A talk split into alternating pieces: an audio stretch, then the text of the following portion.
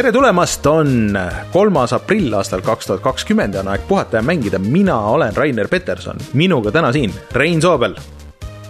tere. ja hoopiski mitte üldse Martin Mets, vaid Joosep Puusväli. tšau.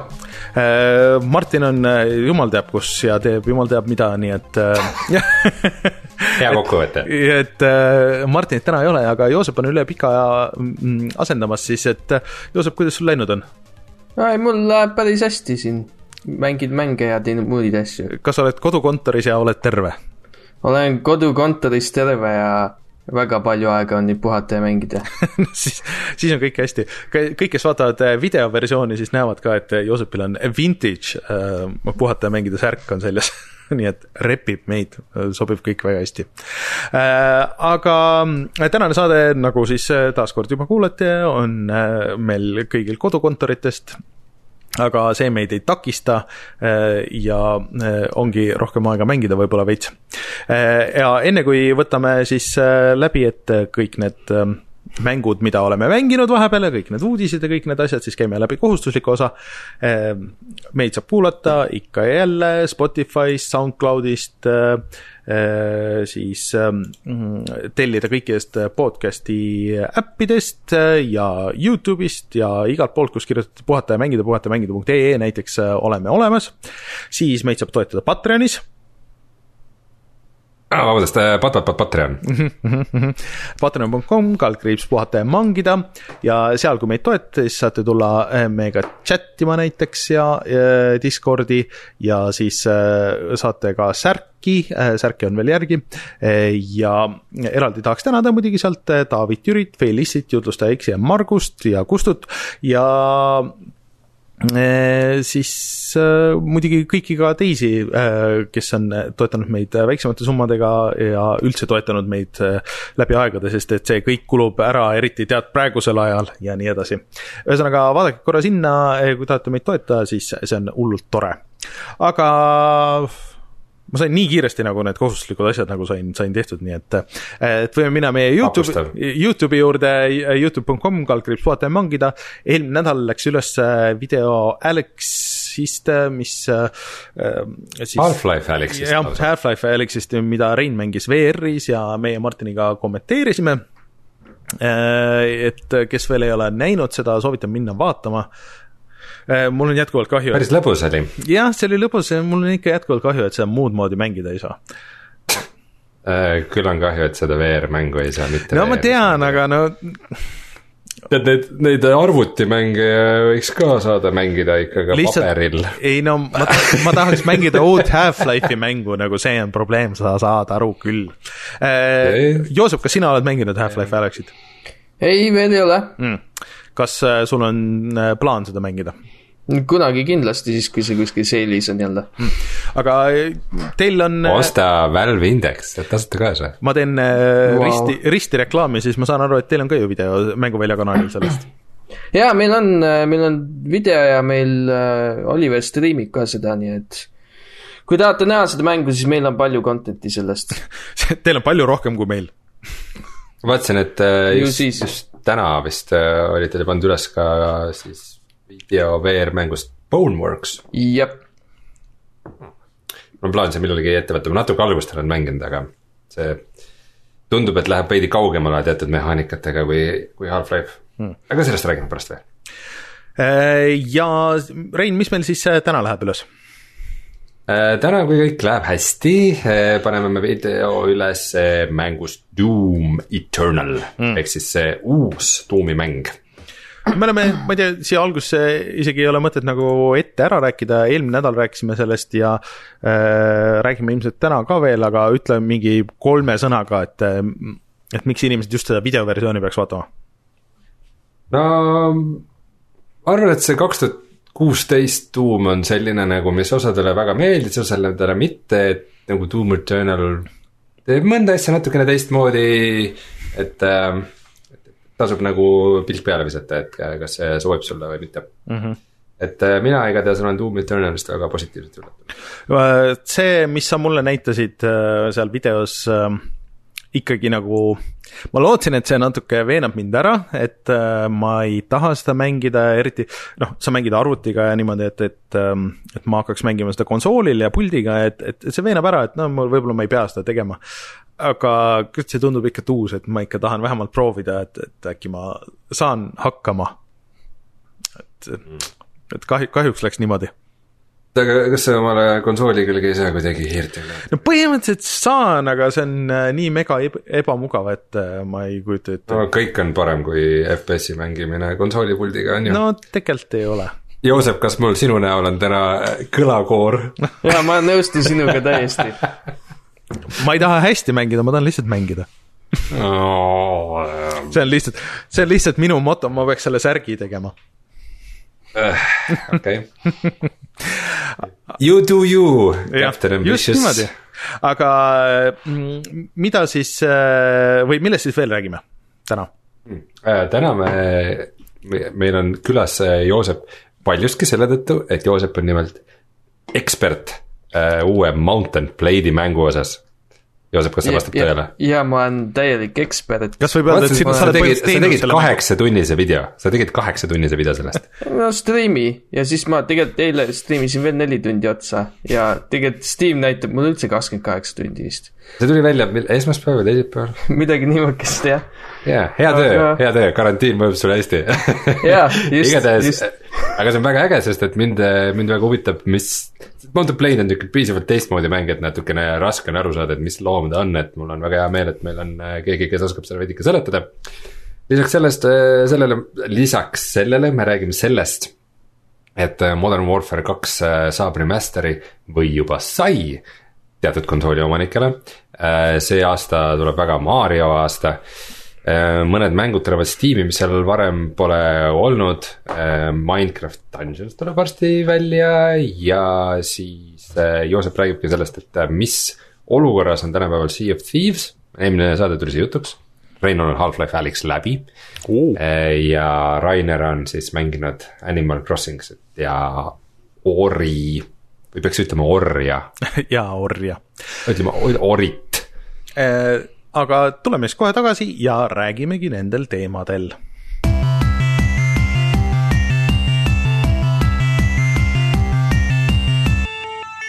uudised. no Modern Warfare kahe remaster äh, ei ole nüüd väga hästi hoitud saladus, on kõlakad ja lekked olnud selle kohta juba väga kaua aega. Äh, meeldetuletuseks siis, et mõni aasta tagasi remasterdati Modern Warfare üks, siis üks jah, Modern Warfare üks, see on siis Call of Duty neli. Call of Duty neli, Modern Warfare üks. Äh, ja see oli tegelikult väga hea remaster, inimesed mm vihkasid seda, sest et äh, seda ei saanud osta ilma äh, Infinite Warfare'ita. aga tegelikult remaster'ina oli okei. Okay,, see mitmikmängu asi ei toiminud väga hästi, aga see Modern Warfare kaks siis on ainult üksikmängu kampaania. ja kui tuli nüüd uudis, et see tuleb, siis teisipäeval juba läks laivi ka see üks mängukampaania, aga ainult Playstation nelja omanikele. jah, see on äh, veitsa nõme nagu, ma ei tea, kas on praegu mingit uudist ka tulnud, et äh, millal see teistele platvormidele tuleb äh,? on küll, aga ma nüüd peast ei oska öelda. kuu lõpus, kui ma ei eksi, nii et mm. jah, kolmkümmend aprill nojah, siis see tähendabki kuuajast eksklusiivsust, äh, mis ei ole nagu kõige hullem, aga Modern Warfare kaks vist oli nagu mõndade meelest vähemalt äh, see viimane hea äh, Call of Duty story nagu kampaania, ma saan aru, et ähm, Sellist... ma vaatasin seda treilerit ja mulle miskipärast nagu väga ei meenu sealt mm. midagi. et mis... äh, üks oli nagu ikka ikoonilisem, see, see kaks oli vist see, kus oli see No Russian. No Russianiga jah, see, sellest on nagu palju räägitud, et oo oh,, et see oli väga skandaalne ja sa saad äh, neid tsiviilisikuid nagu maha lasta, aga kui sa oled nagu natukenegi mänge mänginud isegi sellel ajal, kui see välja tuli, millal see võis olla, mingi kaks tuhat kaheksa, kaks, kaks tuhat üheksa, kaks tuhat kümme, kuskil sealkandis. et äh, kui sa nüüd nagu natukenegi mänge mänginud, siis, äh, siis see ei olnud nagu midagi nagu nii erilist, võib-olla Call of Duty nagu kontekstis ja nii edasi, aga, aga äh, natuke nagu tahaks kunagi minna tagasi ja mängida kõiki neid vanu Call of Duty'sid ja nende, just nende üksikmängu kampaaniaid. aga ma ei tea, kas ma viitsin seda teha niimoodi ükshaaval. Äh, ma olen vist isegi kurtnud siin enne, et ma tahaks seda Modern Warfare Collection pakki, äh, kus ma saaks minna nagu algusest peale, et okei okay,, Modern Warfare saaga ja siis mängida selle otsast lõpuni ära, et et ma niimoodi. jaa, Rainer, see on äärmiselt usutav, et sa seda teeksid. ei, aga need on ju kõik ju mingisugune neli tundi pikad või midagi sihukest, et see oleks täiesti doable. ei, päris neli ikka ei ole. no okei okay,, no viis tundi päris viis ikka ei ole okei okay., no igatahes mitte pikad nagu. millal sa viimati läbi tegid mõne Call of Duty kampaania äh,? äkki Advanced Warfare või?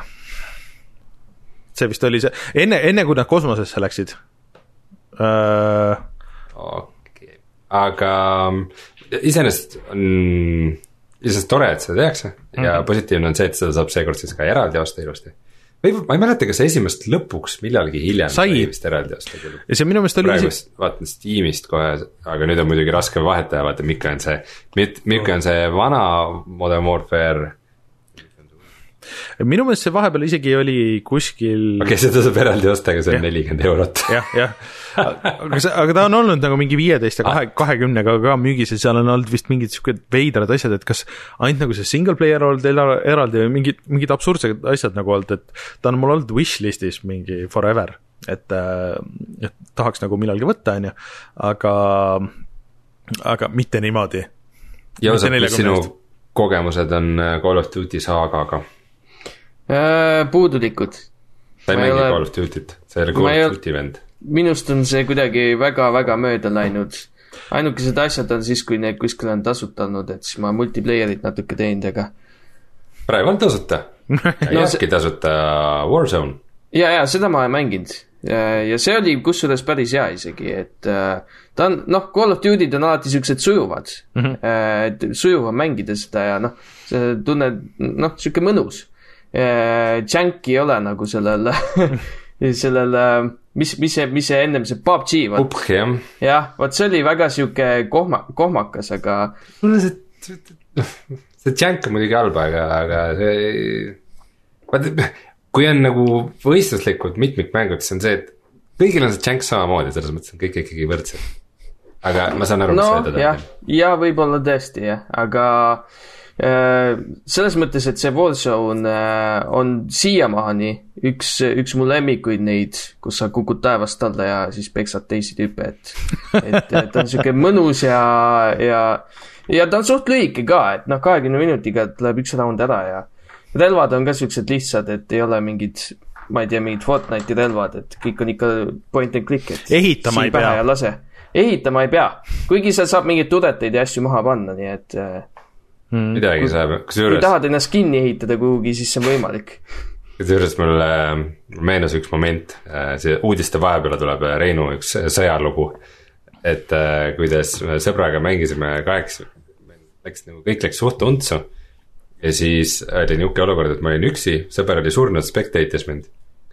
ja jooksid majja nagu sisse kolm tüüpi. ja ma olin ülemisel korrusel Nad said tulla ainult trepist. ja mul oli see suur kuulipilduja, mis sa saad nagu maha panna ja sinna taha istuda ja lihtsalt täristada. panin selle, sättin selle maha, suunasin trepile. Äh, ja siis kolm tüüpi jooksid trepist üles. ja siis ma selle asemel, et seda use'i nuppu vajutada, äh, kogemata hoopis korjasin selle maast üles ja üritasin sellega ringi joosta. siis mind lasti maha mm.. sellest oleks võinud saada kõige eepilisem äh, hetk minu Call of Duty Warzone'i ajaloos, aga ma sul on veel võimalus. mul on veel kunagi võimalus jah. aga sa ikka aga... mäng, mängid, mängid nagu aktiivselt seda? ei noh, nüüd viimasel ajal on Half-Life ja Doom on, on nüüd oma võtnud, aga sa praegu nagu plaanime ikkagi natukene mm. seda veel teha. aga see Modern Warfare kahe remaster, et ma ei tea, kuidas teil on, või noh, et kõik need nali Esi... naljaks, aga plaanite te mängida või tundub see huvitav üldse? mina ei plaani, noh, ma ei tea, vaatame, mis juhtub eks ma veidike jälgin, mis need hinded ja asjad on, aga, aga see treiler ei tekitanud minus huvi. Äh, mul ei ole nagu nii eredaid mälestusi selle, selle teise osaga. Äh, aga, aga minu meelest on see väga positiivne, et seda saab nüüd ilusti eraldi nagu kahekümne viie euro eest osta. ja nagu võib-olla on ka tegelikult nagu huvitav see, et ähm, nagu tundub, et Call of Duty natukene muudab seda valemit, et muidu mm -hmm. oli see, et iga sügis tuleb nagu uus mäng ja siis selle juurde kuulub kas mingi battle royale'i mhm. mode mm -hmm. või, või zombid või mingisugune remasterdatud kampaania või midagi. aga nüüd see, et neid niimoodi hakkab nagu läbi aasta mingeid asju tilkuma, minu meelest see on nagu väga huvitav mm, -hmm. selles mõttes. Warzone tuli ju välja, mis mingi kolm-neli nädalat tagasi alles. põhimõtteliselt küll jah. Ähm, et, et ja nüüd on juba see remasterdatud kampaania ja aga mul on, mul on hea meel, et need asjad on natukene nagu loose imad mm, -hmm. käivad nagu ajaga kaasas. ei, sellega ma olen nõus, äh, aga minu meelest selle Modern Warfare kahega just ongi nagu see, et äh, kõik mäletavad seda nagu hea sõnaga, aga ma ei tea, et keegi oleks kunagi öelnud, et aa, see oli see mu lemmik äh, Call of Duty nagu. et ma arvan, et nad mäletavad rohkem hea sõnaga seda mitmikmängu mm., et selle Modern Warfare kahe mitmikmäng oli, oli väga-väga populaarne okay.. et see esi, e-, see Modern Warfare üks oli see, mis nagu tuli selle valemiga välja, et see oli sihuke väga toimiv valem, aga ta oli väga lihtne. Äh, ja siis kaks nagu viis selle nagu järgmisele tasemele. no ütle, ütleme. see oli, see oli vist nii, et seal sai neid tuumapomme kutsuda ja igast siukseid asju teha. ma võin selle siin välja öelda, et kindlasti on keegi, kes selle meelde jätab ja mulle meelde tuletab, siis kui aeg on see, et, et kui Modern Warfare kolm ka tuleb välja ja nad äh, tulevad välja siukse ühe pakina äh,, siis ma võin neid mängida niimoodi otsast lõpuni muidugi. jaa, ei, ma, ma võin seda teha. väga. ausalt. väga usun. ma luban. tuletage mulle meelde lihtsalt, et ma lubasin seda. nii, aga rääkides remaster itest no räägi nüüd oma Mario jutud ära. Äh, see aasta, kusjuures äh, Mario saagal saab põhimõtteliselt kolm, Super Mario saagal saab äh, kolmkümmend viis aastat kokku. ehk siis kaheksakümmend viis tuli välja ametlikult esimene Mario ja, ja ähm, see aasta siis, et tähistada, äh, tegelikult Nintendo pidi selle välja kuulutama E3-l, aga juba on äh, see kinnitatud mitmest allikast, et äh, on tulemas nii-öelda teine Super Mario All Stars, mis siis sisaldab endas kõiki neid viimase aja 3D Marioid. ehk siis, et remaster'id peaks justkui tulema Super Mario kuuekümne neljast Äh, Super Mario Galaxy äh, ühest ja kahest ja Super Mario Sunshine'ist, mis oli siis äh, GameCube'i peal. see kõik on täpselt see, mida mulle meeldib kuulda. Super Mario Sunshine on üks mäng, mida ma ei ole kunagi mänginud see on vist ainuke mäng kõikidest nagu nii-öelda põhiseeria Mariotest. ja mida peetakse ka kõige halvemaks 3D Marioks Äh, aga puhtalt äh, lihtsalt sellepärast, et äh, mm, GameCube'i pult ei olnud nagu eriti äge ja, ja see oli üks ainukesi Marioid, mis jooksis kolmkümmend kaadrit sekundis, et selle kontroll oli nagu natuke halb ja nii edasi, on ju. et kui need, need siuksed asjad suudavad korda teha selles remaster'is siis äh, ma olen teemas, et Super Mario kuuskümmend neli on ka nagu selline mäng, mida ma olen üritanud korduvalt mängida, et, et see on see mäng, mis äh, tegi üldse selle 3D platvormika nagu põhja pani paika, et see, kui see sub-, äh, kuue, Nintendo kuuekümne neljal välja tuli, et, et noh, sisuliselt äh, Crash Bandicootid, Spyrod, kõik edasi, mis sealt tulid, need kasutavad enam-vähem sedasama valemit äh,. ja tegi isegi nagu kohati esimesena äh, palju paremini seda, kui need mängud, mis hiljem tulid. aga et äh, Äh, teda on nagu raske mängida tänapäeval, sest et esiteks ta näeb välja nagu vana ja ta kontroll ka ikkagi ei ole nagu nii mõnus, kui võiks olla võrreldes tänapäevaste asjadega, et kui see uuendataks, mitte ainult välimus, aga see kontroll ja kõik need asjad, siis ma arvan, et oleks lõpuks aeg see ka läbi mängida. see on äge mäng iseenesest ja, ja päris pikk ka, et. Äh, ma nüüd täpsustan, et see info on nüüd kõik ametlik, on ju? ei, ta ei ole, ta ei ole sada protsenti ametlik, aga kinnitas see firma, kes teeb neid remaster eid. Nintendo ise ei ole kinnitanud, aga kinnitas see, see firma, mis neid remaster eid teeb, mis on veider, aga põhimõtteliselt see on ja nagu... need remaster'id siis ähm,, kusjuures täpsustan üle, et need remaster'id tuleksid siis Nintendo Switch'i peale? Switch'i peale ikka jah, äh, selle aasta jooksul.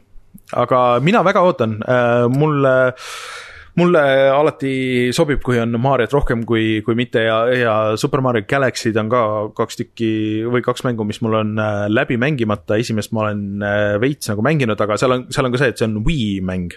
ja seal on hästi palju seda waggle'it nagu, et oo oh,, et, äh, et hüpata, siis raputa seda ja tõsta neid asju üles ja niimoodi.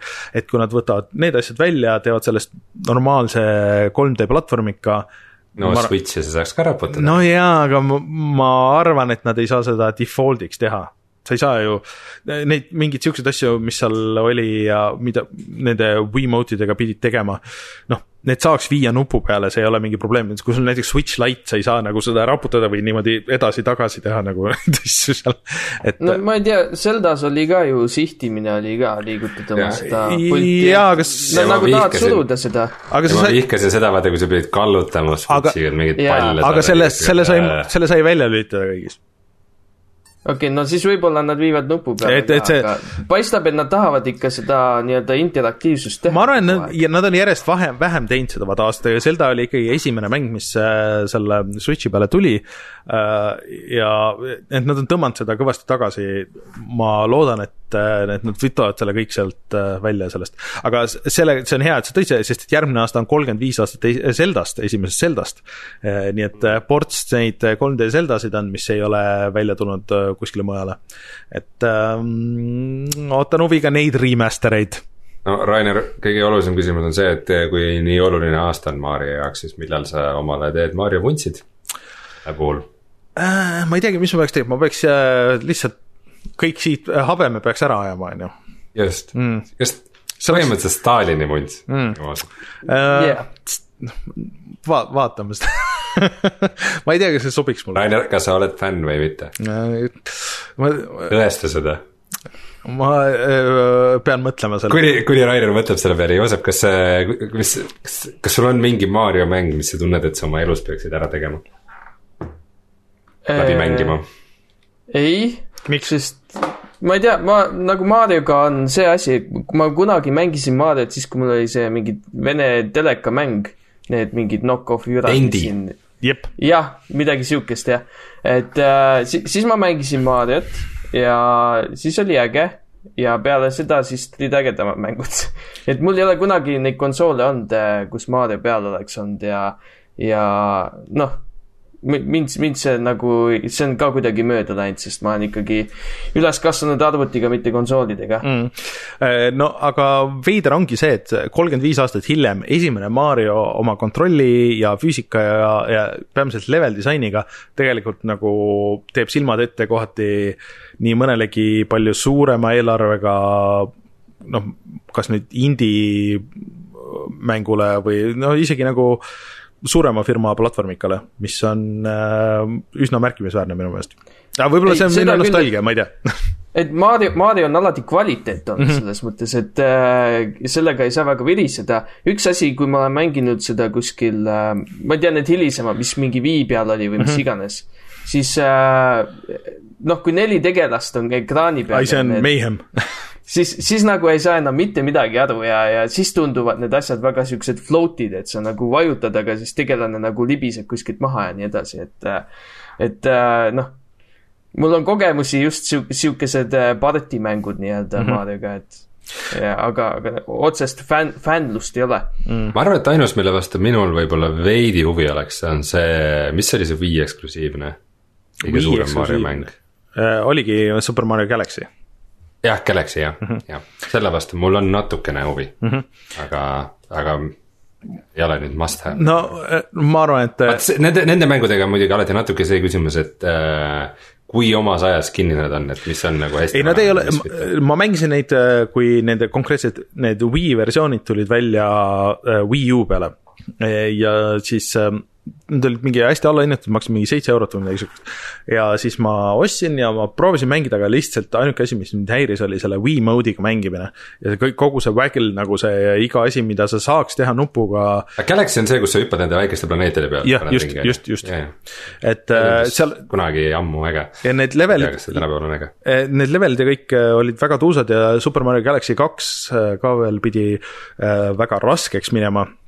Et see platvormimine on nagu noh, et mitte nagu raske selles mõttes, et ebaõiglaselt raske, aga nagu hästi disainitud raske. aga lihtsalt ma ei taha tegeleda selle Wii mode'i kontrolliga et ma olen, kui nad selle välja võtavad, siis äh, ma olen väga-väga huvitatud sellest kõigest. aga no mul, mul on kohustus need osta, sest et minu ähm, äh, Mario handheld collection on põhimõtteliselt täiuslik, mul on äh, üks mäng on puudu kõikidest nendest, mis, mis on äh, üldse välja tulnud. See on see vana arkaadimäng ka, ennem kui see Mario oli see see, kus ahv viskas neid tünne alla. Donkey Kong, sa mõtled? ja, ja Donkey Kong, jah. Äh, mul on sellest äh, kuskil siin selja taga, mul tegelikult paistaks, mul on äh, see LCD versioon, mis on, tuli välja aastal kaheksakümmend. Okay. see oli minu esimene konsool kunagi aga Borderlands kolm tuli hiljuti meil välja Steam'i ja väidetavalt läheb sellel väga hästi mm. -hmm. vaatan, et praegu Steam Chartsi järgi seda mängis, tund aega tagasi mängis seda kolmkümmend kuus tuhat inimest korraga. issand jumal see on ikkagi üsna palju, aga kuuldavasti ei läinud nii hästi seda töötajatel äh,. vot veider. Gearboxil siis. see, see oligi nagu veider uudis, et äh, korraks käis äh, läbi, et kas me räägime sellest või mitte, aga minu meelest imelik, et, et see müüs üldse nagu nii hästi, et minu meelest see tuli välja eelmise aasta septembris. ja see tuli välja ja siis see kadus ära sellest nagu üldse ei räägita. äh, ja see ei olnud nagu üheski äh, väga nagu nendes parimate mängude listis, aga samas ka mitte halvimate mängude listis. ja, ja kuidagi need uudised on ära kadunud ja ainukesed uudised, mis ongi, on ümber selle Randy Pitchfordi ja, ja Gearboxi kui, kui äh, sellise. ehk siis, et kuigi see müüs nagu väga hästi ja, ja töötajatele oli lubatud boonus selle müügi põhjalt, siis see, see Randy Pitchford oli kutsunud inimesed kokku, öelnud, et mm, jaa, et see müüs küll hästi ja kõik ületas kõiki rekordeid ja neid asju, aga see ei müünud siiski nagu nii hästi ja ja me ikka, me siin investeerime kuskile mujale, et teie ei saa neid boonuseid, mis teile oli nagu lubatud alguses ja et, et umbes saate mingi kümnendiku sellest. ehk siis sihuke Äh, Gearbox teeb kõik, mis vähegi võimalik minu jaoks isiklikult, et äh, mitte nagu mängida neid äh,, neid mänge ja, ja nagu ma kuidagi tunnen ennast halvasti, kui ma mängin neid Borderlandsi mänge, et kuigi mulle see meeldis, see kolm, ta jäi mul äh, pooleli, mitte väga kaugele sealt, kus meil äh, kunagi video on tehtud, sest et muud asjad tulid peale, aga, aga kuidagi tunnen ennast halvasti, ma ei tea, ma nagu see kõik muu draama nagu seal ümber häirib mind selge Rainer tunneb ennast halvasti, kui ta mängib Gearboxi mänge. no jah, nojah, aga, aga mulle, mulle nagu ei meeldi, olles, töötades nagu natuke samal alal ja kui sa kuuled, et äh, neid, äh, kes on äh, selle mängu teinud, lihtsalt põhimõtteliselt kasutatakse ära või noh, nagu sihuke, siis see on nagu raske mu jaoks veits. ma vaatan muidu, et mängud, mida on teinud viimasel ajal Gearbox, viimase, ütleme viimase kümne aasta jooksul. nii on Borderlands, Borderlands kaks, Borderlands kolm äh,, Duke Nukem 3D, Aliens Colonial Marines ja. kuhu eh, ja siis see eh, noh. Homeworldi Remastered Collection. no suurem osa nad andsid välja tegelikult, sest et. Äh, ei, ja levitajana on nad rohkem teinud, et siin. Godfall, Risk of Rain. Homeworld oli nende poolt või? Tundub, et Homeworld vist on nende mäng olnud jah sa oled Home, Homeworldi fänn? Äh, ma kunagi mängisin äh,, äh, Homeworld kaks oli vist äh, ja siis, siis me mängisime vennaga üle LAN-i seda ja tegime oma fliiti ja lasime üksteist õhku ja. Homeworld on, oli minu meelest ka päris äge mäng, et kuidagi naljakalt äh, tähelepanuta kuidagi vähetuntud mäng, mänguseeria arvestades, kui äge ta on. see RPG või mitte RPG, RTS nagu põhimõtteliselt vist. jaa, RTS. aga äh, viktoriini küsimus teile, mis te arvate, mis on äh,, mis seeriast on äh, neli esimest Gearboxi mängu? tegu ei ole siis Borderlandsi seeriaga. kas ma võin pakkuda? noh. Half-Life. õige Half-Life Opposing Force, Half-Life Blue Shift Half-Life Playstation kahe port ja Half-Life Decay Playstation kusjuures ma panin meie, meie Discordi äh, need äh, või väga hea video nendest äh, Half-Life'i konsooli portidest, mis üks, mis tehti valmis, äh, aga ei tulnud välja Dreamcasti peale ja siis äh, see Gearboxi tehtud Playstation kahe port, mis väga palju vist tugineb sellele, kust juba hakkasid need draamad Gearboxiga, et kui palju nad ikka ise tegid ja kui palju nad varastasid selle teise stuudio materjale, kes oli selle Dreamcasti versiooni valmis teinud ja nii edasi. ühesõnaga väga huvitav äh, video Stop Skeletons from Fighting kanalilt vist aga Valve'i teemadega ka jätkame, et äh, kui eelmine nädal te rääkisite, et Playstation neli tõmbab oma kehvisid allalaadimiskiiruseid veel koomale seoses koroonaviirusega. siis äh, ma itsitasin pihku aga nüüd tuleb välja, et seda teeb ka Steam mm. -hmm. No, kas Steam'i allalaadimiskiirused hakkavad vähenema. no nad vist, tõmmake ruttu kõik mängud ära siis. no nad tegelikult vist päris nii hullult ei piira, et nad võtavad need auto update'id maha ja mingisuguseid siukseid asju, et, et tõmmata nagu seda sihukest tausta kasutamist nagu veits maha, mis ma mõnes mõttes olen nõus, et võib-olla mõne asjaga võiks ka, sest et ma näiteks mingi hetk avastasin, et, et mul oli Team Fortress kaks installitud kunagi ja siis mida ma ei olnud aastaid, aastaid, aastaid mänginud, aga seda kogu aeg nagu oli update itud ja tehtud nagu, et mis on kindlasti saab kuskilt selle mingi raporti võtta, et kui palju bandwidth'i on läbi aastate sul võtnud. issand jumal, see oleks päris hirmus tegelikult sest mulle, ma olen nagu sihuke mitte ka ainult füüsiline, aga digitaalne hoorder nagu natuke, et mulle meeldib, kui need asjad on installitud, mängud ja ja need on mul seal olemas, aga kui need kogu aeg automaatselt update itakse, siis see on väga palju tõesti võib-olla niisugust datat, mida ei pea kasutama. Ja kuna mul ei ole 4G või ei lähe need asjad üle 4G, siis ma ei pea selle peale nagu väga palju mõtet kulutama, et mm, võib-olla ongi parem, et kui Steam nagu natuke koomale tõmbab seda ma vaatan, et äh, mul on viiskümmend viis asja praegu uninst- või installitud äh, Steamis Aha. ja umbes nii kümmekond vajab update'i, nii et jah, ise ei update'i enam. no väga hea ma arvan, ma arvan, et see ei ole nagu otseselt, see update'i asi küll ei ole nagu otseselt halb, aga kas nad kasutavad mingeid äh, veel mingeid meetmeid? ma ei tea, ütle sina meile ma, ma panin selle juba kinni ära ja siis ma mõtlesin, et sul on lahti, aga mm, hea teada, igatahes äh, Steam'i tuleb peagi Sea of Thieves mm, -hmm. mis on äh, nüüd, äh, mis on umbes aasta aega vist väljas olnud ja ta on ju ainult olnud siis seal Microsofti poes PC peal, on ju? ja, ja, ja, ja see sakib ja... seal eestlaste jaoks, sest sa ei saa Eestis osta seda. aga Gamepassis. kas me jõuame siin Reinu lemmikteemani, et Eestis saab Microsofti poest osta ainult Windowsit ja Office'it ega kas äh, ikka veel on see probleem äh, selles mõttes, et äh, Gamepassid yeah. ja kõik need asjad sa ju saad tegelikult? jaa, aga see, ma ei tea, ma mäletan no,, et siia, siiamaani inimesed räägivad, et nad ei saa seda mängu, kui ma kunagi ostsin selle mängu, pidin ka mingi läbi Soome ostma või midagi. Mm. aga üldiselt see Microsoft, Microsofti store, see on jube. Ja veel jubedam on see Xbox'i asi, kui sa arvutis üritad connect ida kuhugi. Mm no see on tegelikult Games for Windows Live, ta on lihtsalt uue nimega. ta ei ja, ole nii hull aga ta on sama halb ta ei ole nii hull, come on.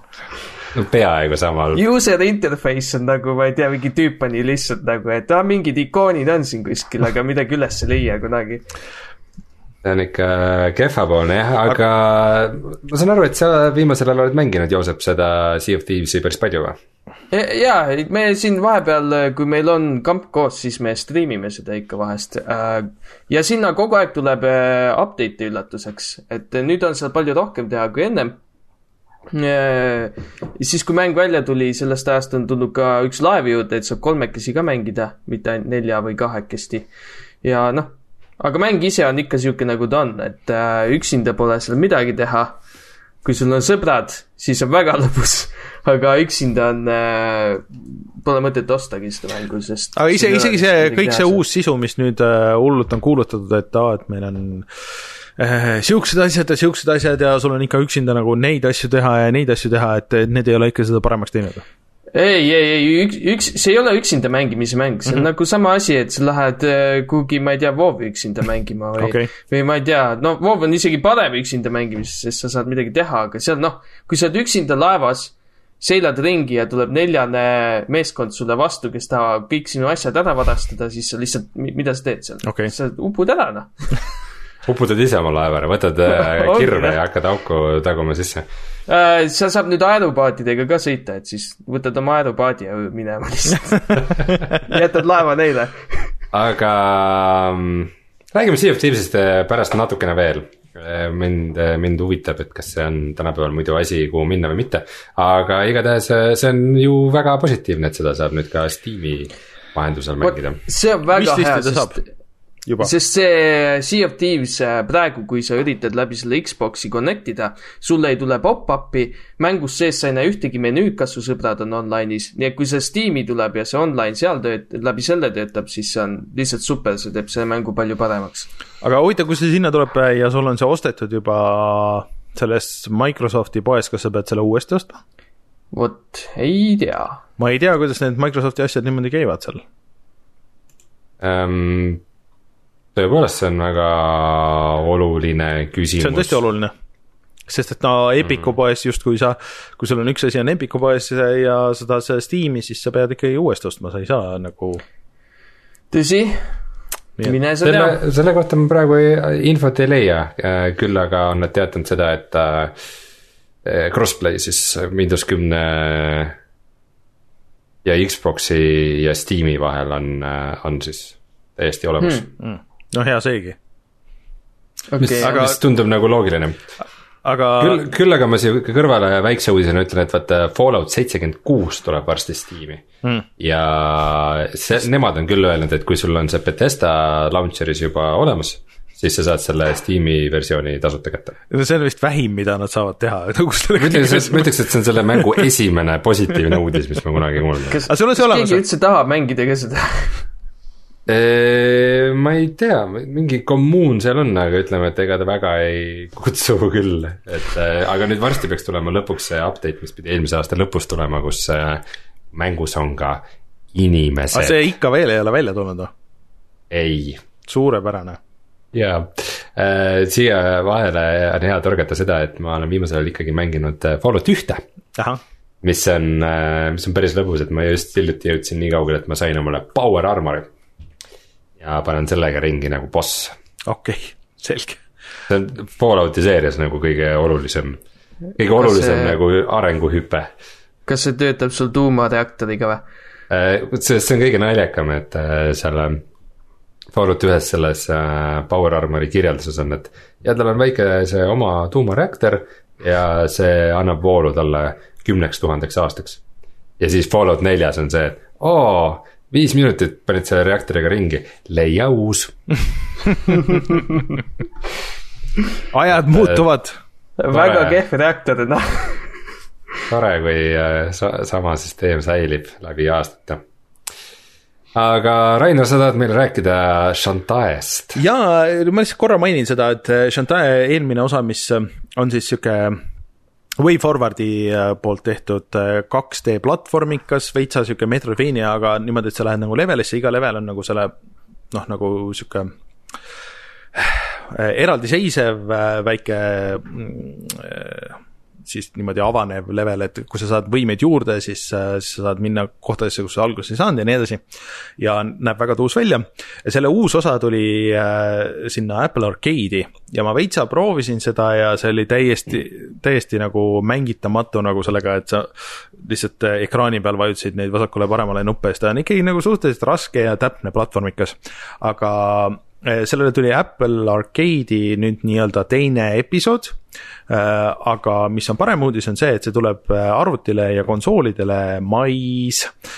vist oli isegi ka mai kakskümmend kuus või midagi sihukest, et kohe ütlen selle õige kuupäeva, kakskümmend kaheksa mai, nii et äh, pärast sünnipäeva üks päev, siis ma saan selle osta endale sünnipäevakingiks. aga äh, ootan huviga, mulle väga meeldis see eelmine ja, ja kui kellelgi veel on tahtmist sihukest väga ilusti animeeritud Metroidvania-likku platvormikat, siis Shantae tuleb kakskümmend kaheksa mai. Ma torkan siia vahele väga, väga kaudse seosega äh, platvormimängu või külgvaatesmängu äh,. sina, Rainer, kes sa oled vanade Disney platvormikate fänn, jaa, äh, ütle hästi-hästi lühidalt, pluss-miinus, tasub või ei tasu, vana Heraklase mäng Heraklase mäng. ma isegi ei ole seda proovinud, kui aus olla. Mina mängisin seda kunagi mingi a la Playstationi ühe peal kuskil mängude toas ja mul on mingid mälestused sellega ja ma lihtsalt praegu seoses koduse karantiiniga olen veidikene Disney teemade lainel. ahah, ma mõtlesin, kas, kas Heraklase mäng, kas see on nagu miski, mida mäletatakse nagu hea või halva sõnaga või on selle seda ei mäleta, see on, ajalugu on täiesti ära unustanud, vahepeal tehti väga sest ta on Steamis olemas, ta on Steamis täiesti Steamis olemas. olemas täiesti, ma pean Disney- korra vaatama selle, see Disney's Hercules äh, viis eurot, äh, vaatame kohe. aga ühesõnaga sul mingit äh, isiklikku. Isiklikku seost ei- ei ole. sellega ei ole, okei okay..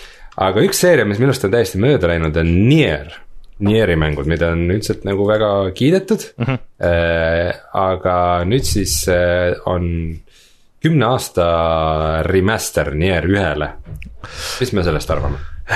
See on täiesti, ma tean ainult nii palju Nier ühest, et see on täiesti teistsugune mäng kui äh, Nier Automata, mida siis Platinum tegi mõned aastad tagasi. see on rohkem RPG, see vist on nagu sihuke pikk RPG, mis on väga sürr ja ma saan aru, et seal on väga palju kala püüdmist, mis Rein sulle peaks me- meeldima. et see on see, mida ma okei. alati, alati kuulen, kui kuskil internetis räägitakse Nierist, siis kõik tuletavad meelde kala püüdmist. aga see vist on äh, nii-öelda see ultimate versioon sellest äh, ja see üldse vist Nierist oli nagu nii-öelda kaks versiooni, et see, mis alguses välja tuli, oli suht nagu teine mäng, kui oli see Nier Replicant mis oli koos DLC-de ja mingite lisaarenduste ja mingite asjadega. ja see vist on nüüd sellest Replicandist veel nagu siis veel edasiarendus või midagi sihukest, et et see tundub huvitav, aga, aga ma nagu ma olen nagu veitsa kaugel sellest esimesest, aga sellel on tekkinud väga-väga suur fännibaas, see on umbes nagu sihuke äh, mitte esimene Dark Souls isegi, aga nagu see äh, Demon Souls äh,, mis mingis seltskonnas äh, läks väga suureks, aga siis äh, suurema üldsuse jaoks nagu kõik vaatasid viltu, et mis lollus või hullus see on. ja ma loen, et äh, Nier on spin-off Drakkenkaardi seeriast. oi jumal, see on veel mingi eriti nüüd me oleme mingisse eriti JRPG JRPG mingi väga spetsiifiline äh, žanr seal. tuleme lupsti tagasi mängudesse, millest me palju teame. Minecraft, nii, Joosep, kas sa oled kunagi mänginud Minecrafti? Minecraft. väike nali äh,, aga nüüd kakskümmend kuus mail tuleb meil Minecraft Dungeons, mis on siis põhimõtteliselt nagu Diablo-laadne mäng, mis toimub Minecrafti maailmas ja seda saab mängida kuni neljakesi koos arvuti, Xbox'i, Playstationi, Nintendo Switch'i kõige peal Mm. Joosep, kas sa ootad seda väga? ei, sa ootad seda natuke? ei sa ei kavatse seda üldse Aga- mängida? äh,. seal on Minecraft,, ütleme niimoodi, et plaanis ei ole äh,. sest äh, see tundub jälle sihuke asi, et noh, slapime selle Minecrafti logo sinna peale ja siis aga. seda teeb seesama stuudio, seda teeb Mojang ikkagi minu arusaamise järgi. jaa, aga ka, kas sa tahad mängida nagu Diablot, mis on lihtsalt kandiline? ma ei tea, mulle, kui ma videost vaatan, siis mulle tundub, et ma mängiks seda parema meelega kui päris Minecrafti või päris Diablot. Äh, nojah, võib-olla, aga see selles mõttes, et äh, nagu väga sihuke kummaline asi, et sihuke dungeon crawler teha Minecraftis. aga minu meelest see sobib just nagu hästi, et see on niisugune asi, mida sa saad sõpradega mängida ja kus on äh, ilmselt, ma arvan, juhuslikult genereeritud need äh, kõik need dungeonid ja, ja et, et see on ju puhtalt Minecraft. vot, vot Minecrafti asjad on väga toredad, aga nüüd, kus see see Hightail äh, kogu aeg paneb uusi postitusi ja asju välja, siis äh, tead, see nagu, nagu väga vähe sellega võrreldes, mida Hightail lubab siis järgmine aasta on ju, et äh, kes on Hightail?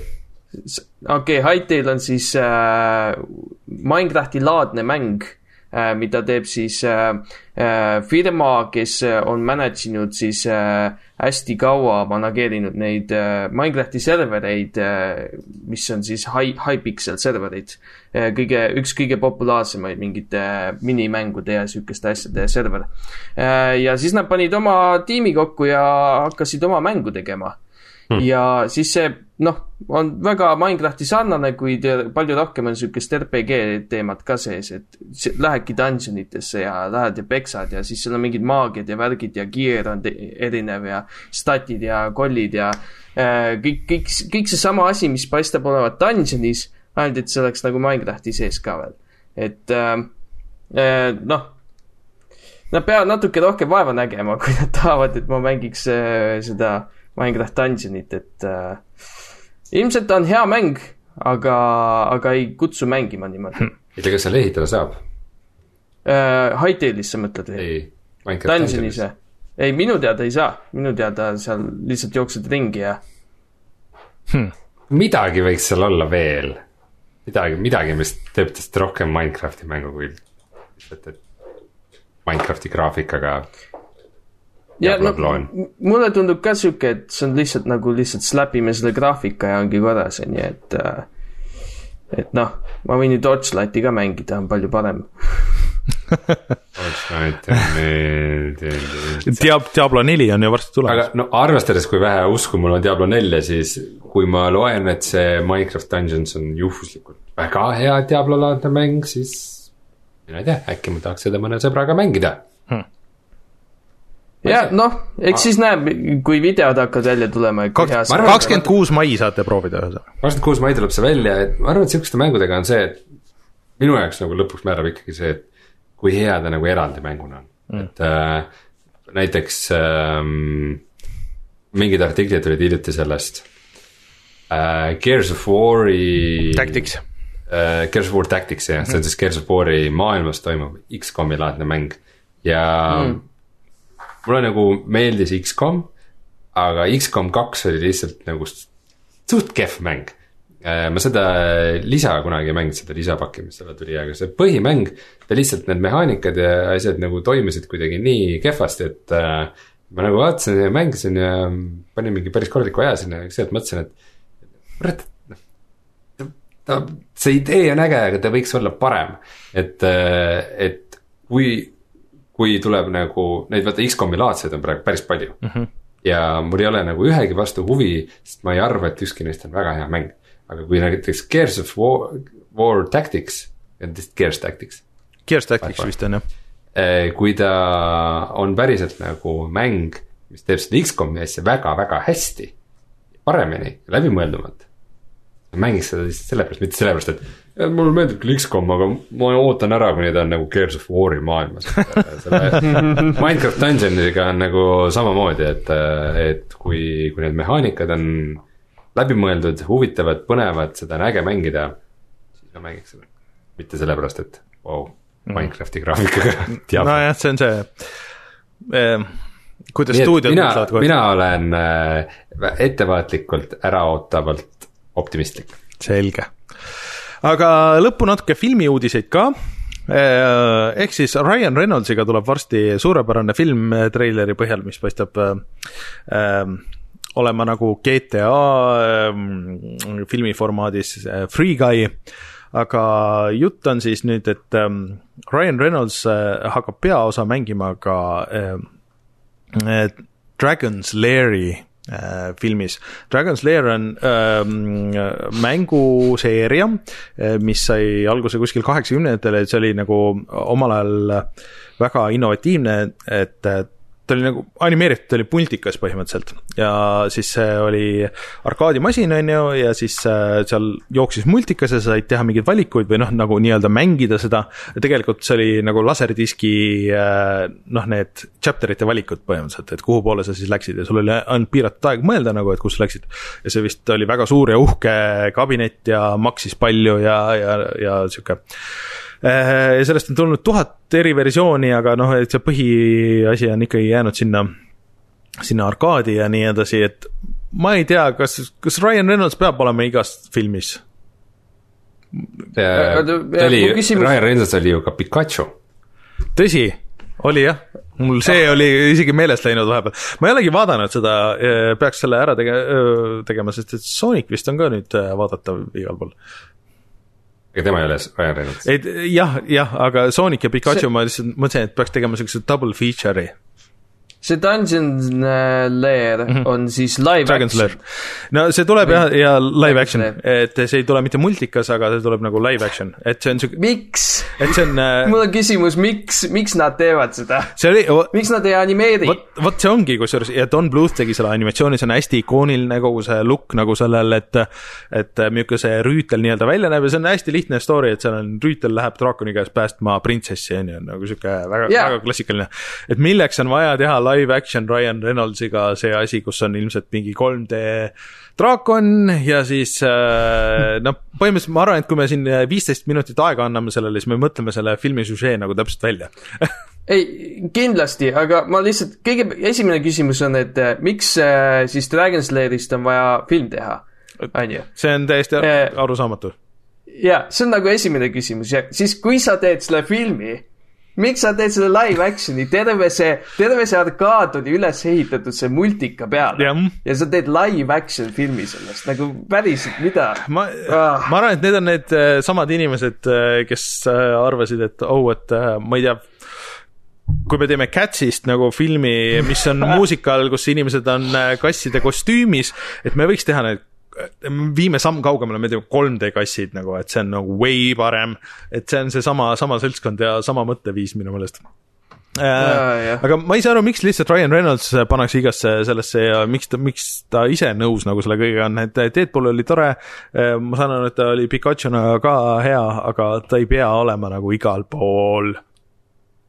jah, ma arvan, et praegu on lihtsalt tema aeg, aga teine asi on vaata see, et äh, äh, noh, see film, see Dan- Dragon Slayer yeah. On il-, kogu see asi on ilmselt see, et oh, mis on nostalgiline, okei okay,, see mäng on nostalgiline. nii, kuidas odavalt hea film teha või noh, sihuke keskpärane film, mida kinodesse lasta. võtame Ryan Reynoldsi, sest siis kõik tulevad vaatama seda ja siis, ja siis me, muidugi me ei animeeri, see on kallis ju. ja see võtab palju aega ka, siis lihtsalt live action, sest kaamerad on kõigil olemas. äh, või, või siis, mis oleks veel küünilisem, on see, et meil on õigused sellele filmile ja need aeguvad äh, järgmine aasta, kui me see, et äh, sinna on, lepingusse on kirjutatud, et kui me ei tee nagu selle aja jooksul midagi, siis kellel, need lähevad kellelegi tagasi või edasi. et me peame nagu midagi tegema, et teeme hästi käbe nagu midagi ja Ryan Reynolds on popp ja lihtsalt teeme midagi nagu ära, lihtsalt see on olemas. jah, kõlab küll niimoodi. Ryan Reynolds on nagu uue aja Tom Hanks. Äh, aga ma ei tea, kas see Asteroidsi, Asteroidsi arkaadimängu põhjal ju ka pidi hakatama filmi tegema, et ma ei tea, kas see tuli kunagi välja, see oli umbes samal ajal, kui see Battle äh, noh, põhimõtteliselt laevade pommitamise, Battleshipi Battleship., Battleshipi film tuli ja kõik see, et äh, ja Tetrise film pidi vist ka tulema ühesõnaga, ma ei tea, kas, kas need tulid välja või, või mis need ma ei, ma ei ole siiamaani näinud ei eh, seda Detective Pikachut ega Soonikut ma arvan, et see noh, tuleb siuke double feature ikka teha. okei okay,, aga tuleme nüüd tagasi ja räägime hoopis Mountain Blade'ist. jaa, tuleme tagasi ja räägime kohe sellest, aga ma ütlen siia veel selle mängude ja mm, seriaalide teemasse, et Castlevaniale lubatakse isegi juba neljandat hooaega, et kolmas hooaeg tuli just välja ja Castlevania neljas hooaeg on juba töös vot selle eelis on lihtsalt see, et see on nagu hästi tehtud ka. ja animeeritud. nagu just, just, et vaeva on nähtud asjaga. jep, aga tuleme kohe tagasi siis ja räägime Mountain Blade'ist.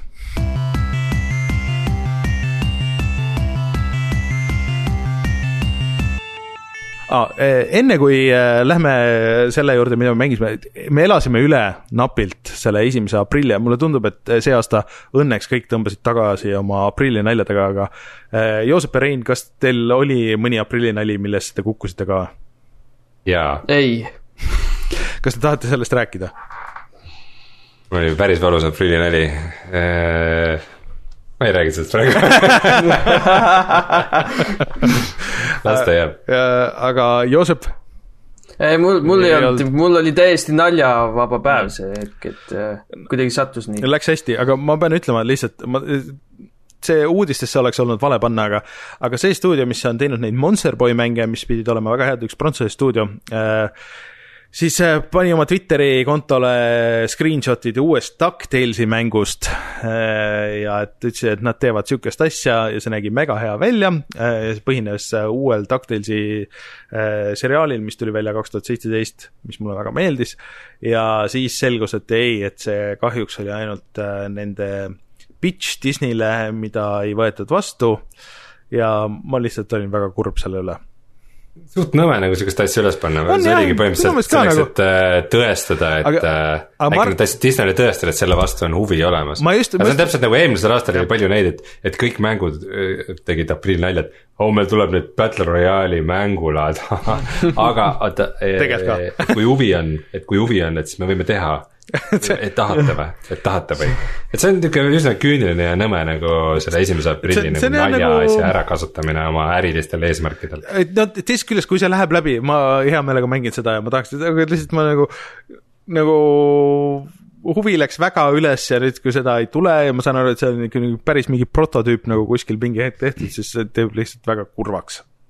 aga no väga DuckTalesi äh, laadne mäng on Mountain Blade kaks ja Nii. Sellest äh, räägib meile Joosep. räägi, Joosep, alusta kohe algusest, mis on Mountain Blade kui selline? nii, Mountain Blade on siis sihuke äh, strateegiline äh,, äh, mis see oleks siis äh,, lahingusimulaator peaaegu, et äh, eesmärk on siis oma äh, lahingusalka kasvatada, arendada äh,, kas siis luua oma kuningriik või ühineda mõne muu kuningriigiga ja siis äh, seal maailmas ringi töllerdada ja siis äh, elada oma keskaegset elu.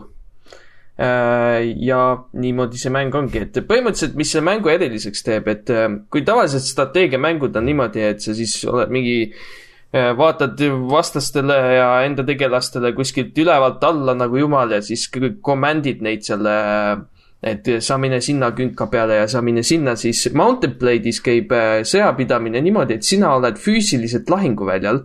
Sul on omad relvad, sul on omad äh, statid äh,, mida sa oskad teha, mida sa ei oska teha, oma varustus äh,, kõik asjad äh, sa valid iseendale, kui head asjad sa tahad või kas sa kasutad vibukirvest, ma ei tea, äkki viskad üldse kividega vastaseid, onju.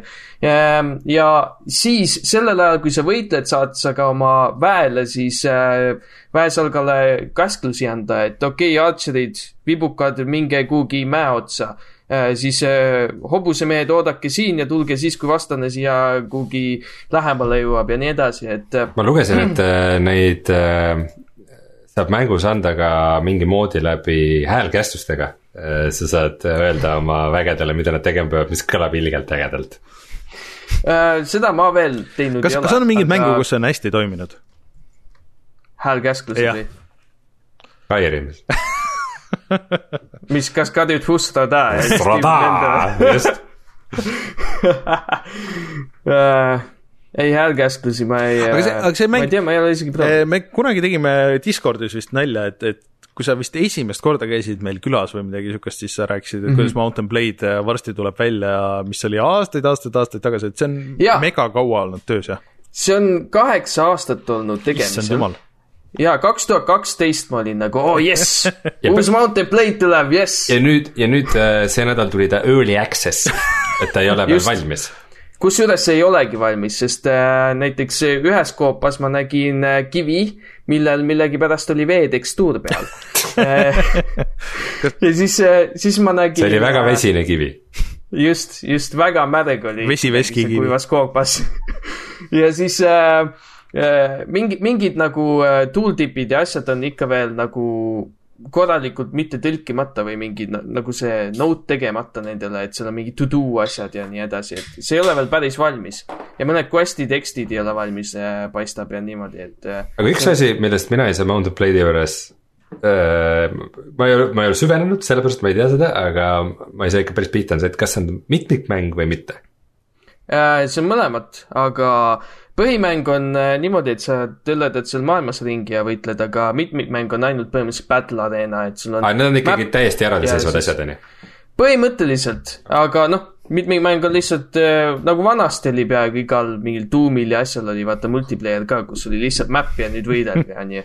Et okay., et see on sarnane, sarnane multiplayer, võib-olla ma ei ole seda multiplayerit veel proovinud sellel uuel äh,, aga vanasti oli Mountain Blade'is see ka, et kaks nagu poolt on ja siis üks näiteks kaitseb kindlust ja teine ründab kindlust ja, ja siukseid asju on, mis, mis võib päris huvitav olla tegelikult seda võib võrrelda veidikene Chivalry'ga. jaa, mitmikmäng küll äh, on sarnane sellega, aga äh, noh, Shivadi on sihuke, seal sa nagu jooksid mingi punktini, siis passisid seal, kuni paade täis läks ja siis saad edasi liikuda, aga Mountain Blade'is on ikka, vähemalt vanasti oli, pidi nagu reaalselt üle võtma selle kindluse, et ei ole mingi lihtsalt, lihtsalt ootad mingeid äh, tippe, mis sulle ekraanile tuleb. okei okay., aga räägime sellest üksikmängust veel, et äh, see paarkümmend tundi, mis sa nüüd oled juba mänginud seda, et kus see fookus seal siis nagu kõige rohkem on, kas, kas nagu ise võitlemisel, vägede juhtimisel, mingisugustel RPG elementidel? Äh, põhimõtteliselt äh, kõigel, aga äh, üks asi, mis ma panin nüüd tähele, mis vana Mountain Blade'i ja selle vahe on see, et vanas Mountain Blade'is ma võisin üksinda oma mingi mõõgaga võtta sadu mehi maha ähm,. Aga sellel uuel mängul nagu enam ei ole nii lihtne. Et see combat süsteem on tehtud tegelikult paremaks, et sa saad ise valida, kui kõrgele sa lööd ja nii edasi, et äh, aga, aga üksinda ma enam mingi sadu mehi maha ei võta, seega rohkem on tähtsus nüüd strateegiatel, kui sa lähed mingi kahesaja mehe vastu, et kuhu sa oma vibukad paned ja kuhu sa oma ratsamehed paned ja nii edasi, et äh, minu meelest see strateegia pool on nagu paremaks läinud ja RPG poolelt nii palju, et noh, tegelastel peavad mingid statid olema ju. et äh, seal on ka siuksed statid, et kui sa võtad kindluse üle ja su äh, nii-öelda kuningriik kasvab äh,, siis äh, on ka olemas mingi trader stat näiteks, mis aitab sulle neid asju, leadership stat on olemas äh,, millega sa saad äh, äh siis mingeid boonuseid äh, panna oma äh, nendele kuni äh, Äh, linnadele ja siis kindlustele ja muidugi võimalus on ka see, et äh, su kindlusel saab toit otsa ja kõik surma saavad seal, et noh, seda juhtub ka eriti, kui keegi ümber piirab need või mis iganes. et sihukest nagu kuningriigi manageerimist on ka siis? natuke on, aga see ei ole ikkagi äh, kuningriigi manageerimise mäng, see on eelkõige ikka lähed ringi, käid ja tapad tüüpe ja vallutad kindlusi aga kui palju ta erineb siis äh, sellest, noh, ma saan aru, et see RPG asi on nagu juurde tulnud, et sellest esimesest Mountain Blade mängust äh,? seal oli ka tegelikult äh,.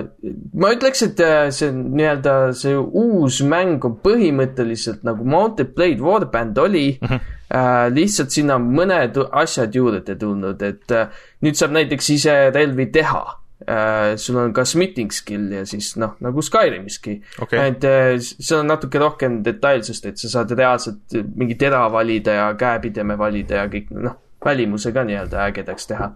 Äh, ja siis noh, siukseid väikseid asju on juures, et äh, mida sa ei pea otseselt tegema, aga võid teha.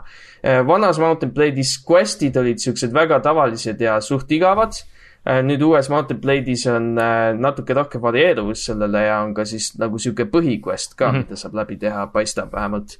Äh, nii et noh, ta on nagu see vana Mountain Blade näeb ilusam välja, natuke rohkem asju, lihtsalt igatepidi nagu parem. aga kas ta mõttes. praegu on täishinnaga või mingi sihuke kakskümmend, nelikümmend kuskil sealkaudu? ja ta on ta on natuke allahinnatud, ta oli viimati vist nelikümmend midagi okay. euri. aga ma saan aru, et selle neljakümne eurost saab mängu väga palju siis, jah? ja, ja saab küll mm. -hmm. Uh, kuigi ta on early access siiski ikka veel ja mõned asjad on tobedad, minu meelest uh, nad peavad natuke seda uh, asja optimiseerima ka, et uh, seal vahepeal FPS kukub korralikult aga ja mitte ainult sellepärast, et mingi tuhat meest äh, on, on ekraanil, vaid lihtsalt mingid lollid asjad, et lööd tüübil pähe ja siis järsku mäng jääb seisma korraks et noh, see vaatan, et ta täishind muidu on viiskümmend eurot ja ta on praegu kümme protsenti allahinnatud äh, neljakümne viie peale mm. aga. aga saame siis õigesti aru, et ikkagi tegu on peamiselt üksikisiku mänguga, millel on sihuke areeni võitluse juures, et see ei ole nagu mingi mäng, kus ma lähen nagu sõbraga koos mingit kuningriike vallutama, et sihukest asja seal ei ole.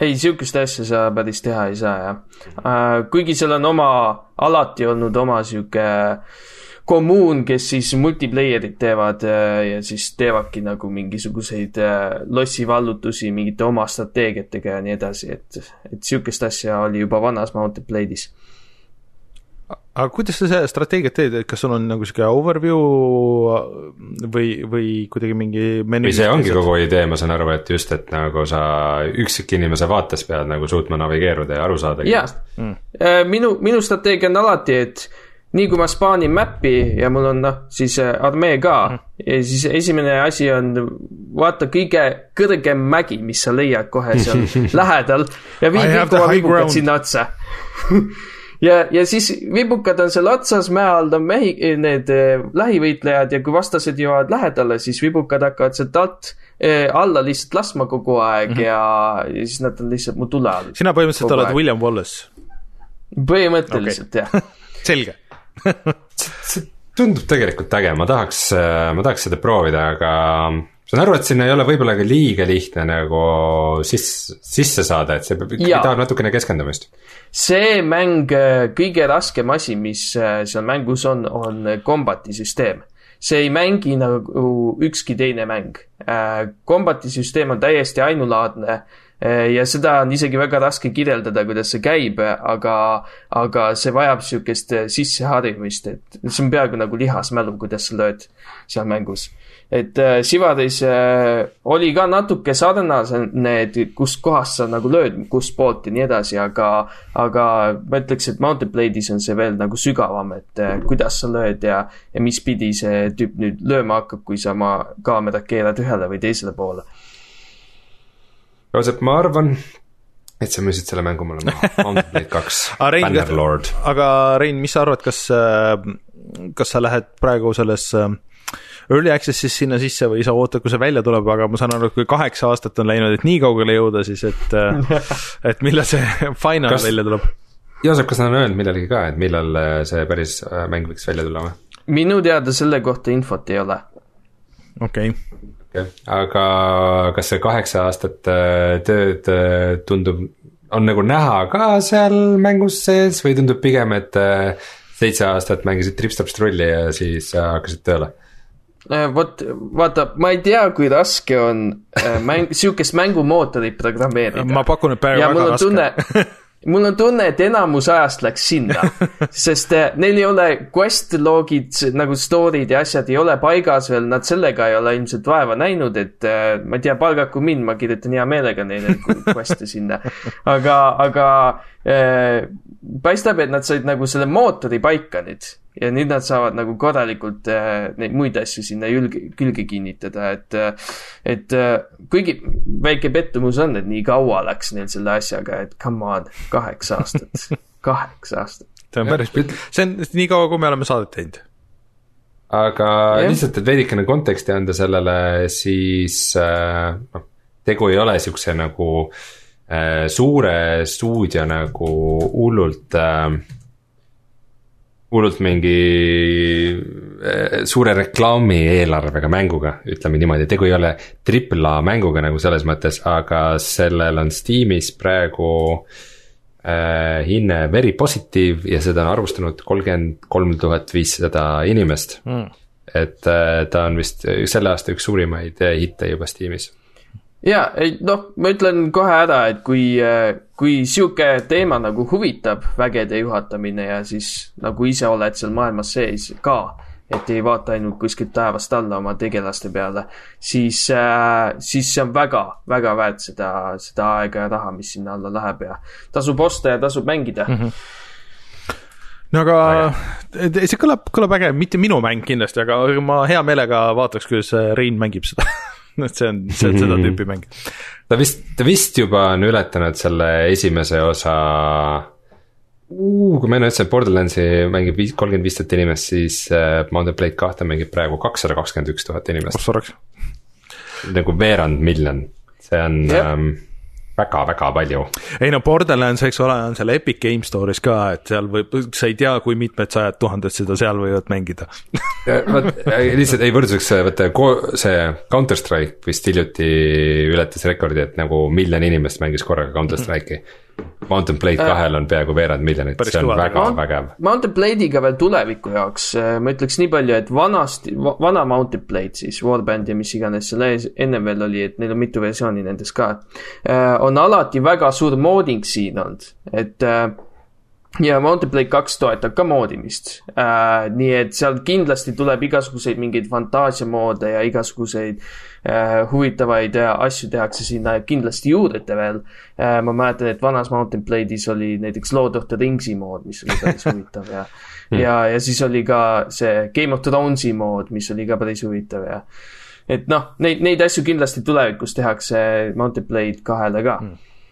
väga kihvt aga Joosep, nüüd see aeg, mis sa oled mänginud, kas sa tunned, et äh, mäng juba hakkab veidikene nagu mingit platood ületama, juba veidikene igavamaks muutuma? ai, ma ei ole kuhugi jõudnud. või sa tunned, et sa ei ole veel mitte midagi teinud ega kuhugi jõudnud? ma, ma, ma alles täna sain endale äh, selle riigi tehtud, et äh, mul on, mul on praegu üks linn ja, ja siis ma võtsin ühe kindluse üle ja siis see teine kindlus võeti tagasi, aga linn on vähemalt alles on ju, ja, ja siis ma jõudsin oma riigi teha ja, ja tegelikult mul on mapp veel täiesti vallutamata. tegelane on ainult natukene arenenud mul on mingi natuke üle saja mehe ainult, et noh mm.. arenemisruumi on okei okay., kõlab hästi. selles mõttes, et mu eelmist, eelmist Mountain Blade'i mul on mingi kolmsada tundi vist mängitud, nii et. no, no aga kutsume sind siis äh, kindlasti siis ka uuesti, kui Mountain Blade nagu üks punkt null välja tuleb, et, et äh, milline, siis on hea nagu võrrelda, et milline see praegu on ja milline see siis on, kui see päriselt välja tuleb. et noh, loodetavasti ei lähe kaheksa aastat, aga ma võin kihla vedada, et no, aasta, aasta läheb kindlasti jaa, ma, no ma arvan ka, et neil ikka läheb mõni, mingi aeg sellega. aga et rääkida siis veel mängudest vist, äh, mis mitte kunagi valmis ei saa, siis äh, sa oled mänginud äh, Sea of Thieves'i ka veel natuke enne rääkisime, aga siis räägi veel, et meil on video Ühesõnaga... isegi tehtud kunagi, kuidas me mm -hmm. mängisime koos seda Xbox'i peal, kui see välja tuli, aga aga et kuhu see siis jõudnud on praeguseks? Meil oli just eelmine saade oli juttu, et, äh, et seal on nüüd aasta jooksul tulnud väga palju nagu arenguid, aga minu argument oli see, et. et need põhimehaanikad ju on ju ikkagi samad, mis äh, olid natukene lahjad ka siis, kui mäng välja tuli. et Joosep, kui sa eelmine kord rääkisid meil saates sellest mängust, siis sa ütlesid, et nagu. et ainult Gamepassiga seda nagu võtaks, et äh, nagu tegelikult on tegu ju kuuekümne eurose mänguga. kas nüüd, aasta hiljem tunned, et Sea of Thieves on mäng, mis on kuutekümmet eurot väärt uh,? see on hea küsimus, sest uh, kui sul sõpra ei ole, siis ei ole väärt aga kui on? kui sul, kui sul on uh, olemas kolm sõpra, kes sinuga tahavad mööda merede ringi sõita ja seal quest'e teha ja teisi piraate hävitada, siis, siis võib-olla isegi on nüüd sest nüüd seal on teha asju, seal on mingeid äh, nagu chain quest'e nii-öelda, et sa leiad ühe asja ja see viib sind järgmise asjani ja siis kõik on nagu sihuke avastamine mm, -hmm. et äh, et ta ei ole nagu tavaline sihuke RPG, et sa lähed sisse ja hüüumärk on meike seal pea peal ja siis ta ütleb sulle kohe, kuhu minna ja mida teha, vaid väga palju asju tuleb ise avastada ja me viimati tegime ka mingi uuema quest'i asja ära, kus oli tuli lõpuks tuli mingile saarele minna seal mingi asi põlema panna, siis, siis tekkis mingi, mingi asi sellest, äh, see juhatas meid ah,, tõrvikud juhatasid, mingid tuled tekkisid ja need juhatasid meid siis äh, saare alla, kus tuli läbi ujuda äh, kuhugi koopasse, kus olid skeletonid sees. siis seal olid hästi palju lõksi ja värke ja lõpuks sai mingi aade sealt. ja noh, neid tunneleid asju oli seal veel, kuhu me veel ei jõudnud ka ja see on ainult üks üks mingi update'i quest või mis see, see kõlab oluliselt palju paremini kui ükstaspuha mis quest, mida ma nägin seal äh, selle mängu väljatuleku ajal. aga, aga ainsad, aga ainsad kollid on ikkagi skeletonid. ma just tahtsin küsida, et kas ainsad kollid on ikka skeletonid um, äh, seal on nüüd äh, teist sorti skeletonid fantastiline. Ja, ja boss skeleton. aga kusjuures, aga need bossid, need nagu tõeliselt äh, noh sa pead teistmoodi nendega võitlema mm, -hmm. selles mõttes on nagu huvitavam veits. aga äh, mis sinna juurde on kindlasti tulnud, on need äh, NPC laevad nii-öelda, suured äh, surenud laevad, mis tulevad mingi hetk lihtsalt kallale sinu laevale mm -hmm. ja siis kui sa nad ära hävitad, saad mingit loot'i, aga noh, nad on ka päris tugevad. siis kraakenid ja siuksed asjad on seal muidugi olemas. hai tuli mingi hetk juurde, sihuke suur, suur hai, mis sööb su laeva ära põhimõtteliselt ja Äh, si-, nagu siukseid asju, mis juhtuda võivad mm, -hmm. on juurde tulnud päris palju. aga ma saan aru, et kogu see progressioon on ikkagi ainult kosmeetiline ja,? jah, jah. sul ei ole nagu mingeid, mingeid asju, mis sa saad ehitada, su tegelane ei arene edasi, sa ei saa omale mingeid äh, uus, uuemaid, vägevamaid laevu, ainus asi, mis sa saad, on kosmets. jah, jah, millised su kahurid laeva peal on, milline su laev välja näeb, et noh kõik, kõik asi on äh, ikkagi kosmeetiline, mis sa saad nende asjade eest, aga äh, sihukest karakteri progressiooni ei ole. Mm.. mis mõnes mõttes nagu on nagu halb, samas teises mõttes on nagu hea, et noh, kui mingi teine piraat sulle kallale tuleb, sa tead, et tal ei ole mingeid eeliseid sinu ees vaid lihtsalt ta ise siis oskab paremini mängida, kui ta aga see, sihukest äh, mänguisu nagu ei võta vähemaks või et, et noh, et ainult see kosmets nagu, mind see kosmets ei huvita, et ma tahaks kuidagi nagu areneda mingis teises suunas või et kas sul on mingi baas, mida sa saad ehitada või see laev, mida, vist olid need laevajupid, mida sa said osta, need on ka kõik kosmeetilised, eks? jaa, kõik on kosmeetiline, ainuke asi, mis sa teha saad, on kuskil saarele minna ja mingi kahurikuule ja asju endale tuua. et, äh, et see, sa rohkem valmis oleks mm -hmm. asjadeks ja võib-olla oma mingi no seal on kolm erinevat relva, mingit püssi ja värki, mis sa saad valida, aga, aga kõik on juba alguses lahti, midagi sa ei saa, aga noh, sama küsimus on siis see, et äh, mille pärast sa mängid, on ju, et kas sa Mariot mängid ka sellepärast, et Mario saaks mingi kõrgemale hüpata või no., või kas sa mängid Mariot sellepärast, et lõbus oleks? Läbi teha. nojah, aga Mario, Marios on levelid ja sa teed läbi, sa teed, sa saad ühe leveli saad kirja vähemalt nagu selles mõttes, et ma tegin selle leveli läbi nüüd. no äkki sa tahad seda mõõka endale, mis näeb äge välja või siis teine variant on see, et äh, need quest'id, mis siin on tulnud, need nii-öelda leitavad asjad. Need, need on ka, sa saad nii-öelda põhimõtteliselt mingeid asju lahti sellega, kui sa need ära teed. ja, ja see ongi nagu sa koged seda mängu ja see ongi see mäng. no vot, seal ongi see, see vahe, et kas see mängu mängimine iseenesest on äge või ei ole, et äh, Mario mängimine alati on nagu äge nagu äh, niisamagi ma. olen kindel, et on inimesi, kes vaidlevad vastu sulle. Ma ei tea, kes need on, aga neil, nad eksivad, et äh, se- se- selles mõttes, aga, aga et lihtsalt, et kas äh, selle Sea of Thieves'i mängimine lihtsalt ongi äge või nagu selles mõttes või ei ole?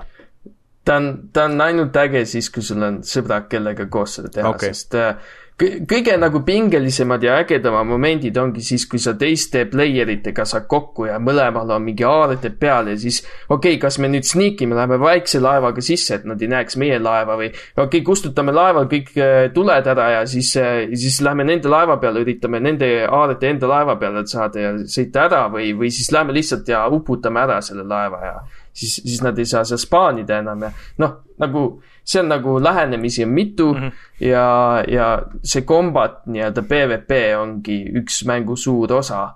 ja kui noh, kui seda seal mängus ei oleks, siis see oleks küll igav mäng jah. okei, okei okay., no tekitasid huvi veidike, kas teil on Mänguvälja kanalil mingeid ägedaid äh, videosid sellest ka tehtud viimasel ajal? oo oh, jaa, me, meil just hiljuti striimisime seda jälle, et äh, meil on paar tundi videot sellest Mänguvälja kanalil üleval, kel, kellel huvi on, võib vaadata. chatis mm. Sanobikin ütleb, et Sea of Thieves võrdub hängime sõpradega ja lollitamine, et selle Seda jaoks, selle jah. jaoks vist on hea mäng, jah. just, just. Aga muidugi noh, see tundub huvitavat, aga mingis mõttes tundub nagu kuidagi kasutamata võimalus, et nagu Jah, mulle ka tundub nagu-. seal võiks nagu ju palju enamat peituda ka. et sihuke piraadi isegi nagu väiksema skaala MMO on ju nagu nii palju võimalusi, mis sa saad nende saarte ja, ja kogu nende legendide ja asjadega nagu teha ja selle seilamise ja kõikide asjadega. isegi see, see Rare'i nagu see, see stiil võimaldaks hästi palju asju ja, aga mulle ka tundub, ma olen sinuga, Rein, veits nõus, et, et natuke nagu saaks rohkem teha.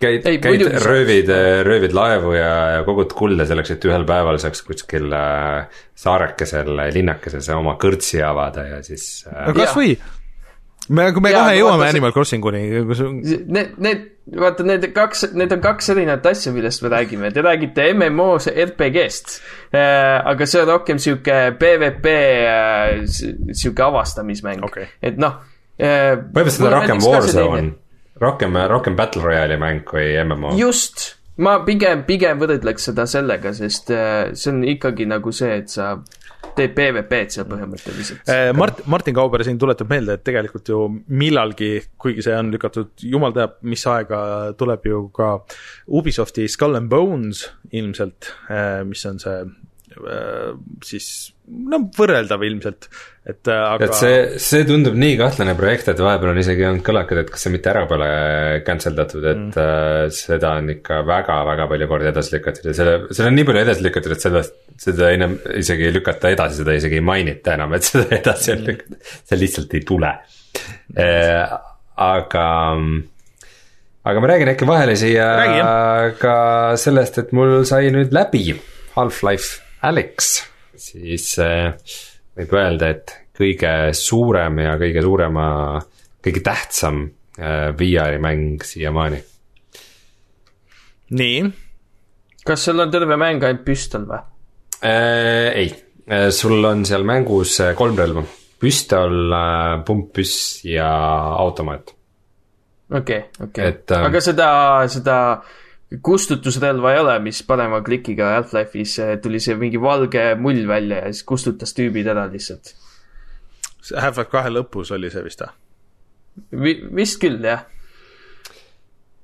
see oli äh, selle Combine'i äh, Mingi plasmakahur, automaadi jah. äh, alternatiivtulistamine oli Just, see, mis seda just. tegi. kahjuks seda ei ole jah. see on jama ah,, Gravity relv on või? sul on Gravity kindad, millega sa Ah, saad äh, asju nagu tõmmata enda juurde ja püüda kätte ja mis natukene on nagu naljakas selles mõttes, et äh, igas sarnases mängus on ikkagi mingi sihuke supervõime olemas, et sa saad nagu force pull ida asju enda juurde. see oli väga lihtne praktiline põhjus, et äh, kui midagi on maas sinu ees, sa ei viitsi iga kord küürutada ja seda maast võtta, see on nagu ülitüütu ja väsitav, väsitav tegevus. Ja Half-Life siis ka nagu relvad on alati su käe küljes, et sa ei saa oma relva maha pillata või maha visata või Hmm. või sa ei saa kellelegi pähe visata relvaga, mis on ka nagu pigem positiivne, sest et äh, ta Valve, ma mängin selle Valve Indexiga, Valve Indexi need puldid on survetundlikud. ja siis, kui ma mängisin esimest korda mingit Pavlovit või siukseid tulistamismänge sellega, see on see, et kui sa kogu aeg jõuliselt oma relvast kinni ei hoia, siis pillad relva maha. Ja see on nagu ülipiinlik asi, mis võib juhtuda tulistamismängus, et sa lähed nagu lahingusse ja oih, võtan oma relva üles, et, et, et see on okei okay,, et Half-Life see on nagu Pavlovis. ei no Pavlovis mul juhtuski seda ja teine mäng jaa. äh, Compoundis. jaa, aga see laadimine on alati, seal on vist sarnane laadimine Alexis on ju, et Alexis, kusjuures see laadimine on selles mõttes äge, et see on iga relvaga nagu kuidagi unikaalne või nagu mängu osa. et äh, mis on nagu kihvt, on see, et püstoliga kui sa lased salve tühjaks äh,, aga jätad ühe kuuli nagu kambrisse. et siis sa lased vana salve välja, paned uue sisse ja kõik on nagu okei okay,, lased edasi. ja kui sa lased selle viimase kuuli ka ära, sa vahetad salve ära ja siis sa pead relva laadima. noh mm -hmm., täiesti realistlik, aga Jep. mis nagu töötab ka nagu niisuguse mängumehaanikana päris ägedasti, et. et nagu, et sa pead nagu vaatama, et sa päris seda viimast kuuli ära ei laseks, et lahinguhoos muidu sa kaotad nagu aega sellega, et.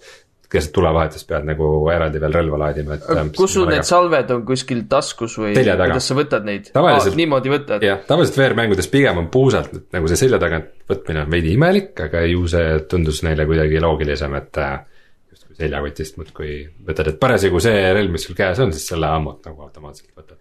ja, ja, ja kuidas see graafik on, kuidas seal sees olla on? Ebareaalne.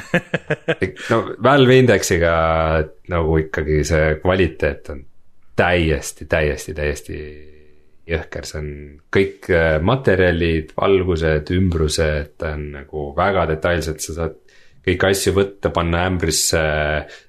leiadki mingi umbes ämbri, kallad laua peale tühjaks, otsid sealt seest, kas seal sees on ammut, nagu see füüsika on kõik super. ja ilma spoileriteta äh, lõpus tehakse selle füüsikaga ka veidikene asju ja trikke, mis panevad, mis panevad sind veel rohkem hindama seda, et nagu, et vaata VR-is on see, et ähm, asjad on kas nii, nagu sa arvad, et nad on või asjad on valesti. et nagu, kui sa VR-is lähed mingi asja juurde, võtad selle üles, pillad, lased lahti ja siis ta kukub laua peale, noh, muidugi, nii ju käibki on ju, sa ei, sa ei mõtle selle pealt, oo, et see on mäng, millel on füüsikamootor. VR-is on see, et jah, no niimoodi ju asjad toimivadki, nii ta peabki olema. Aga kui sellele mingi twist juurde anda, nagu Half-Life'i lõpus tehakse, siis sa saad aru, et aa, see on ju kõik programmeeritud ma, ma täpsemalt ei räägi siin, peate, peate kas läheb Matrix'iks ära kätte? teada saama, ei seal on, seal on see mõned kõik on äh, simulatsioon no.. naljakad asjad sellega seoses. aga sa Portal Gun'i ei leia seal või? ei, ei leia Portal Gun'i, tegelikult on ikka, ikkagi natukene pettumus minu jaoks, et neid relvi ainult kolm tükki on, et äh, esimeses Half-Life'is sul on ju üle kümne relva, vaat seal oli palju relvad jagunesid aga kategooriatesse. samas, mõtle, Freeman jookseb ringi, tal on ühe õla peal ba- bazooka ja siis tal on mingi neli automaati teise õla peal ja siis tal kang on käes ja siis tal samas aut-, see usi on teises käes ja jookseb ringi seal.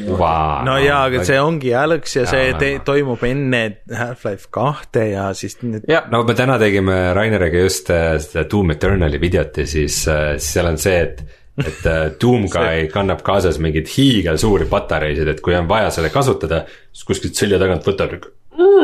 Paneb kuhugi ja, ja tal on neid kaheksa tükki er- inventory's er- vähemalt. Rein just dash'is nagu õhus ja tegi mingeid hulle akrobaatikaid nagu see, selleks, aga no see ei ole mängudes probleem, et Aga- aga... kust kohast nad neid asju välja võtavad, aga neid relvi seest saab nagu upgrade ida ja, ja, ja päris põnevalt, et. et näiteks seal püstolile saab juurde panna siukse eraldi asja, mis imeb enda sisse kuule juurde, et sa saad justkui nagu topelt laadida nagu. Ühe salvetäie sinna kuule ja teise salvetäie veel nagu päris püstolisalve, et et see või siis näiteks pumppüssile sa saad panna autoloader'i, et sa paned need padrunid lihtsalt sinna nagu külje peale ritta ja siis nii kui sa avad oma shotgun'i, siis niisugune väike robotkäsi laeb ise sinna sisse need ära ja siukseid äh, hullult kihvte äh, nagu upgrade'e saab äh, relvadele juurde ma tunnen, et nad on ikka selle maailma nii katki teinud, et Half-Life kahes siukseid asju ei olnud, et kuidas nad said teha nüüd? natukene jah, et tekib küsimus, et kuidas see Alex juba kõike teab ja oskab ja kuidas ta nii badass on. see pidi olema väga suur probleem nende, et kui tüübid disainisid neid Star Warsi neid vahepealseid osasid, see Han Solo ja, ja siis Rogue One ja, ja kõik need, et, et okei okay,, et kuidas me teeme neid asju, et äh, mis olid nagu enne seda, aga nagu sobiks sinna. et, et see on seesama iga kord, et kasutad mingit Star Warsis kasutatakse mingit uut relva, siis oo ei, see tehnoloogia nüüd pudenes aatomiteks ja oo ei, nüüd mul tuli mälukaotus, et ma ei mäleta seda enam, et see oli aa. ja siis saab, siis läheb film edasi nagu aga ei, ei natukene see, eks see iga prikk aga kuidas see, kuidas see lõpp nagu siis oli, et äh, kuidas sulle tundub, et kas Valve on nüüd commit inud ennast selleks, et, et, et tuleb veel Half-Life'i mänge äh, või, või oli see nagu sihuke one-off? Täiesti ilma spoileriteta rääkides, kes, kes nagu midagi teada ei taha, see, see pange kõrvad kinni, aga nagu täiesti ilma spoileriteta rääkides äh,. Half-Life Alyxi lõpus on väga selge signaal, et Half-Life'i story läheb edasi sealt, kus ta pooleli jäi. okei, väga-väga selge signaal. no ootame huviga, et, et mulle väga pakub huvi see, ma ei tea, kas ma suudaks, kui pikk see oli sul kokku kõik? Äh, ma arvan, et minu see Steam'i mänguaeg on mingi kuusteist tundi, aga ta on vist natukene pikem kui peaks, sest et äh, ma oma mängusessioonide vahepeal pidasin päris pikki pause ja kuna see laadimisajad on suht pikad, siis ma ei viitsinud vahepeal mängu kinni panna, et äh, üle, üle kümne kestab küll see kampaania. sest et äh, ma kujutan ette, et äh, minu masinal see ei jookseks nii hästi, isegi kui ma laenaks, ma arvan, et ma saaks sult laenata ilmselt äh, mingeid asju ja, ja kas, kas või Oculus't või, või mis iganes. kuigi ma olen kuulnud, et see istudes ei ole üldse nagu väga hea kogemus äh,, aga ma vahepeal, vahepeal nagu, kui ma tegin veidi pikemalt mängisin, siis ma nagu pool aega kuskil istusin mingi diivani serva peal ja vahepeal nagu seisin püsti, et äh, minu meelest on täiesti mängitav istudes ka, et mm -hmm. nagu suurt vahet ei ole. aga noh, püsti on lihtsalt see, et kui kaugele sa näed ja nagu kõik see on nagu veidikene parem okay., et üsna, üsna suure osa sa nagu käid mingites ruumides ringi, otsid ammut asju nagu, et siis lihtsalt äh, muidu on see, et sa istud, siis lähed mingi riiuli juurde, vaatad, ahah, siin ei ole midagi. Sa tõused püsti, piilud sinna ülemise riiuli taha, vaata, vaatad, kas seal ka on midagi, et noh, et äh, võib-olla kui väga lühike mängija on, siis, siis ta peab veel mingisuguse astme peale astuma ja nagu piilama, et kas see on üleval ka, et et, et ma ei tea, püsti oli kuidagi nagu tundus parem või loogilisem. ühesõnaga ma ootan, et mis nad edasi teevad, et äh, kuhu see edasi läheb nagu kõik sellest. ei, see on põnev jah, aga, aga Half-Life Alyx ikkagi, iga, ikkagi tõstab taset, et äh, selles mõttes ähm,, selles mõttes on äge, et võib-olla mingisugust märulit ja asja oleks natukene rohkem oodanud ka. et niisuguseid nagu creepy sid mingeid hiilimis, noh, niisugust nagu stealth'i osa ei ole kunagi mm. -hmm. aga et umbes siukseid nagu ettevaatlikke sessioone on umbes, kus on paljud need barnaklide keeled on nagu palju ja sa pead kuskilt läbi pugema või on mm -hmm. mingeid miine hästi palju, mida sa pead kahjutuks tegema, et kuskilt läbi saada ja. ja siis vahepeal on mingi paar siukest taskulambi stseeni, mis on, mis on VR-is väga hirmsad. kui sa taskulambiga kusagile suunad ja siis mingi headcrab ronib ja siis tema see pari on seina peal, okei, okei, jah. aga kas sa midagi nii cool'i ka nagu teg- tegid äh, äh, nagu see GIF, mis ringi käis, et, et äh, Headcrab hüppas ja siis keegi võttis lihtsalt selle kontoritooli ja siis viskas koos selle kontoritooliga selle Headcrabi aknast välja. päris midagi nii ägedat vist ei õnnestu. või, või midagi nii ägedat, nagu see üks tüüp tegi, kes äh, žongleeris äh, seal mänguses. kahjuks jah, no ma ei oska žongleerida. et kui, et kui sa päris, kahe asjaga žongleerida, see on nagu okei okay. okei, aga ühesõnaga suures plaanis et sa oled ikkagi seal, et et see on mängimist väärt ja, aga, no aga muidugi on, siin pole, siin pole mingit kahtlustki, et äh, ma natukene mingi hetk kartsin, et seda variatiivsust jääb nagu väheks, et mm -hmm. ongi, et nagu noh, headcrab'id ja zombid ja combine vahel tuleb ka ja siis on sul nendega tulevahetus, aga aga lõpus tulevad näiteks antlionid äh,, Half-Life kahest tuttavad mm -hmm. ja siis see on veel nagu mingites kohtades see disain on nagu nii äge, et umbes, et äh, need antlionid on siis suured siuksed putukad põhimõtteliselt Ma, masinatega ka sõita saab või? ei, okei okay., masinasessioone ei aga, aga ütle nüüd äh, lõpetuseks ja üks, siis need putukatel on see, et, et nad, et sa saad neil jalad alt ära lasta ja siis nad nagu teise jalaga nagu tulevad edasi umbes, et mingid siuksed momendid, et äh, mis on ikkagi, ikkagi väga-väga cool. zombi ant- antlion. aga ütle siia lõpuks, Half-Life Alyxi lõpuks, et äh, üks asi, ilma milleta sa ei taha enam ühtegi äh, esimese isiku tulistamist VR-is näha. mis Half-Life'is olemas oli?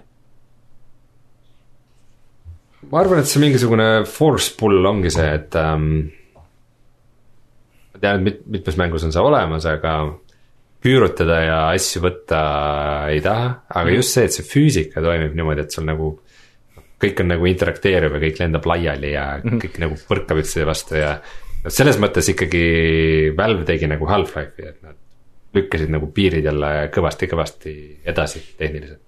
okei okay., mis, mis on hea, mis on nende VR-mängude mõttes tore asi.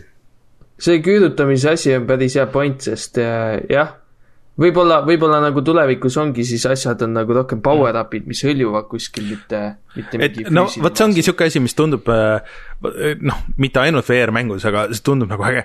ja, ja siis sul on see asi nagu päriselt vaata, et sa pead minema sinna ja siis lükkama käe välja ja siis vajutama vend, et noh, et äh, seda on ju igasugused mängud teinud ja see ongi äge nagu umbes esimene kord ja võib-olla teine kord, kui sa teed seda ja siis, kui sa päriselt mängid seda, siis äh, väga kiiresti enam ei ole äge. No ütleme, Half-Life on niimoodi disainitud mäng, et see kõik see keskkond ja selle avastamine ja seal asjade leidmine ja mõistetuste lahendamine ja mõistetuste lahendamine läbi füüsika, see kõik nagu kuulub selle mängu juurde, et noh, kasvõi üks, üks sektsioon kuskil mängu keskel ähm, kes ei taha jälle midagi teada ka spoil ida, see ärge kuulake, aga äh, sellest on netis juba väga palju juttu, et on sihuke tüüp nagu Jeff. Et äh, sul on üks missioon toimub äh, viinavabrikus ja siis seal on sihuke koll, väga kuri koll äh,, mis koosneb vist mingitest inimeste osadest, mis on põimunud tulnuka osadega. ja see on Jeff ja, aga Jeff on pime, aga ta kuuleb väga hästi ja siis see, kuidas sa sellest Jeffi levelist mööda saad, ongi see, et igal pool vedeleb viinapudelid, sest tegu on viinavabrikuga. Siis äh, kui Jeff kuskil ronib ja sina tahad kuhugi liikuda, siis sa võtad viinapudeli ja viskad ja siis ta jookseb sinna.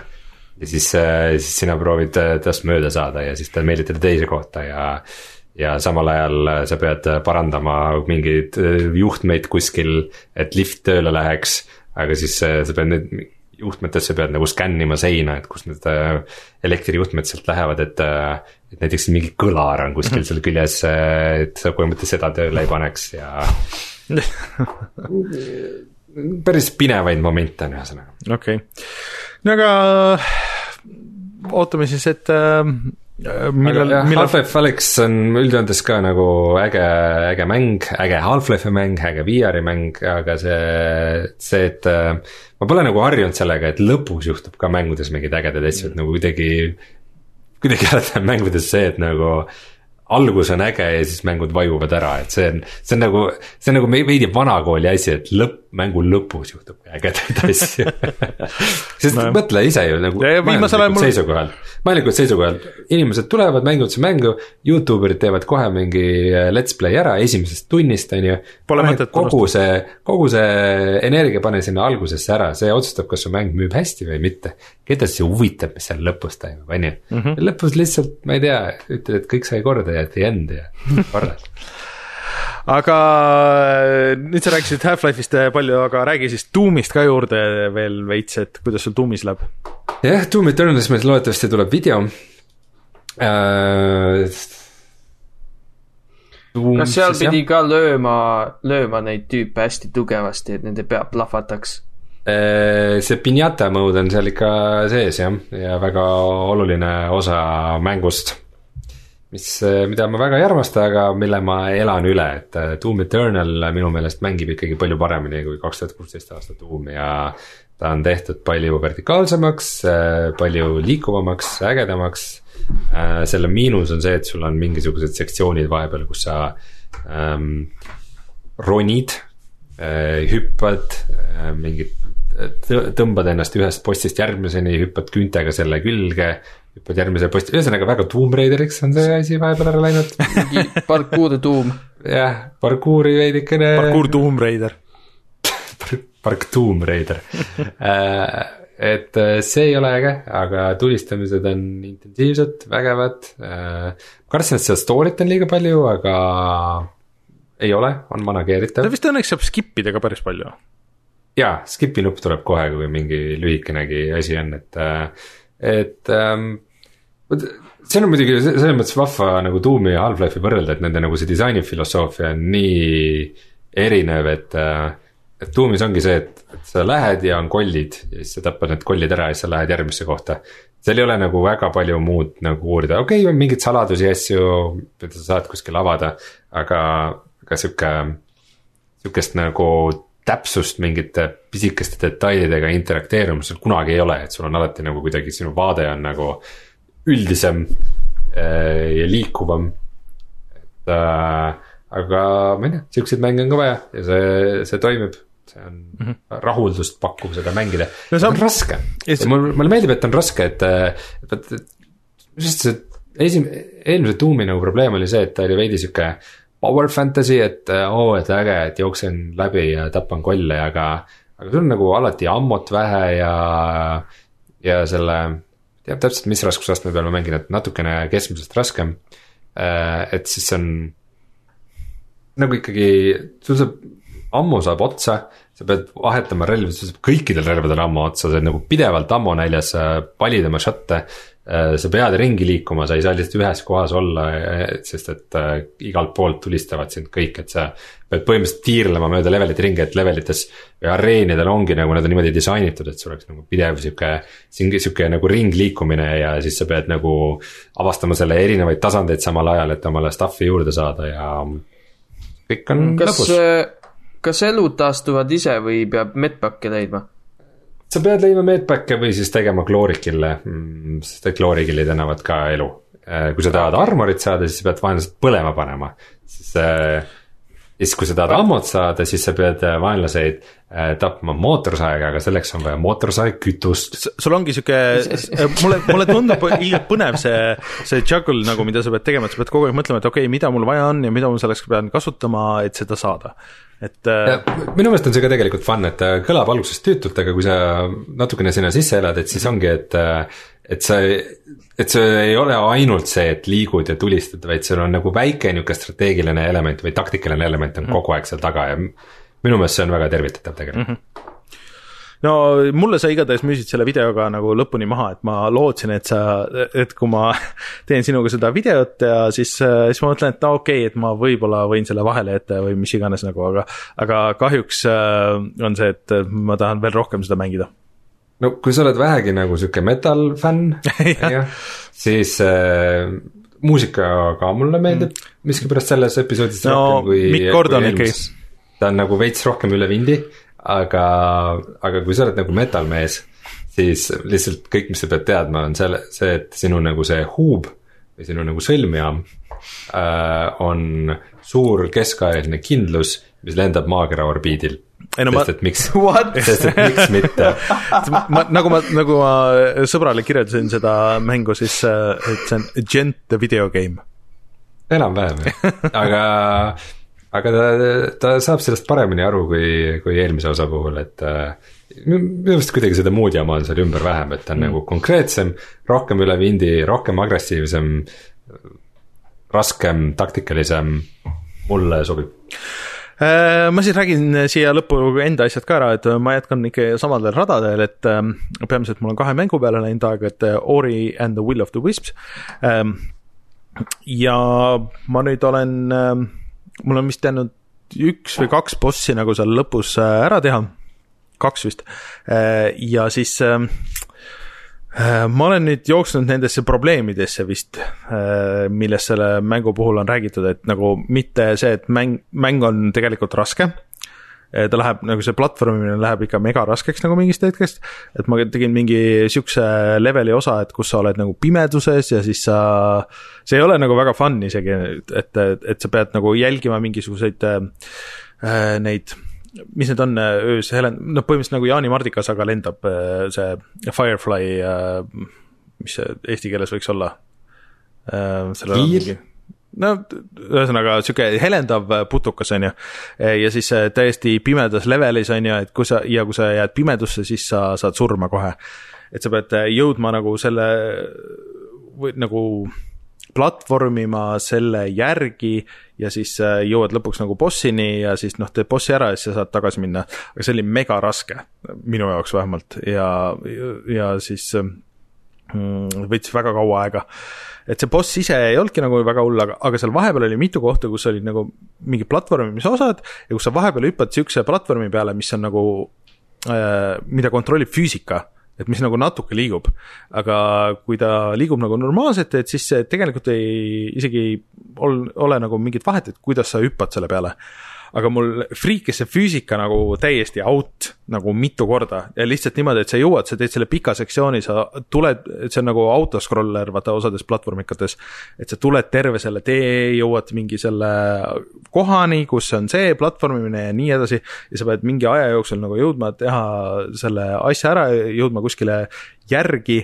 Ja siis see füüsika friigib out mingi ekra, terve ekraan on mingisugust läbu täis ja siis see asi nagu tõmbleb lihtsalt ekraani peale ja sa ei saa hüpata sinna peale.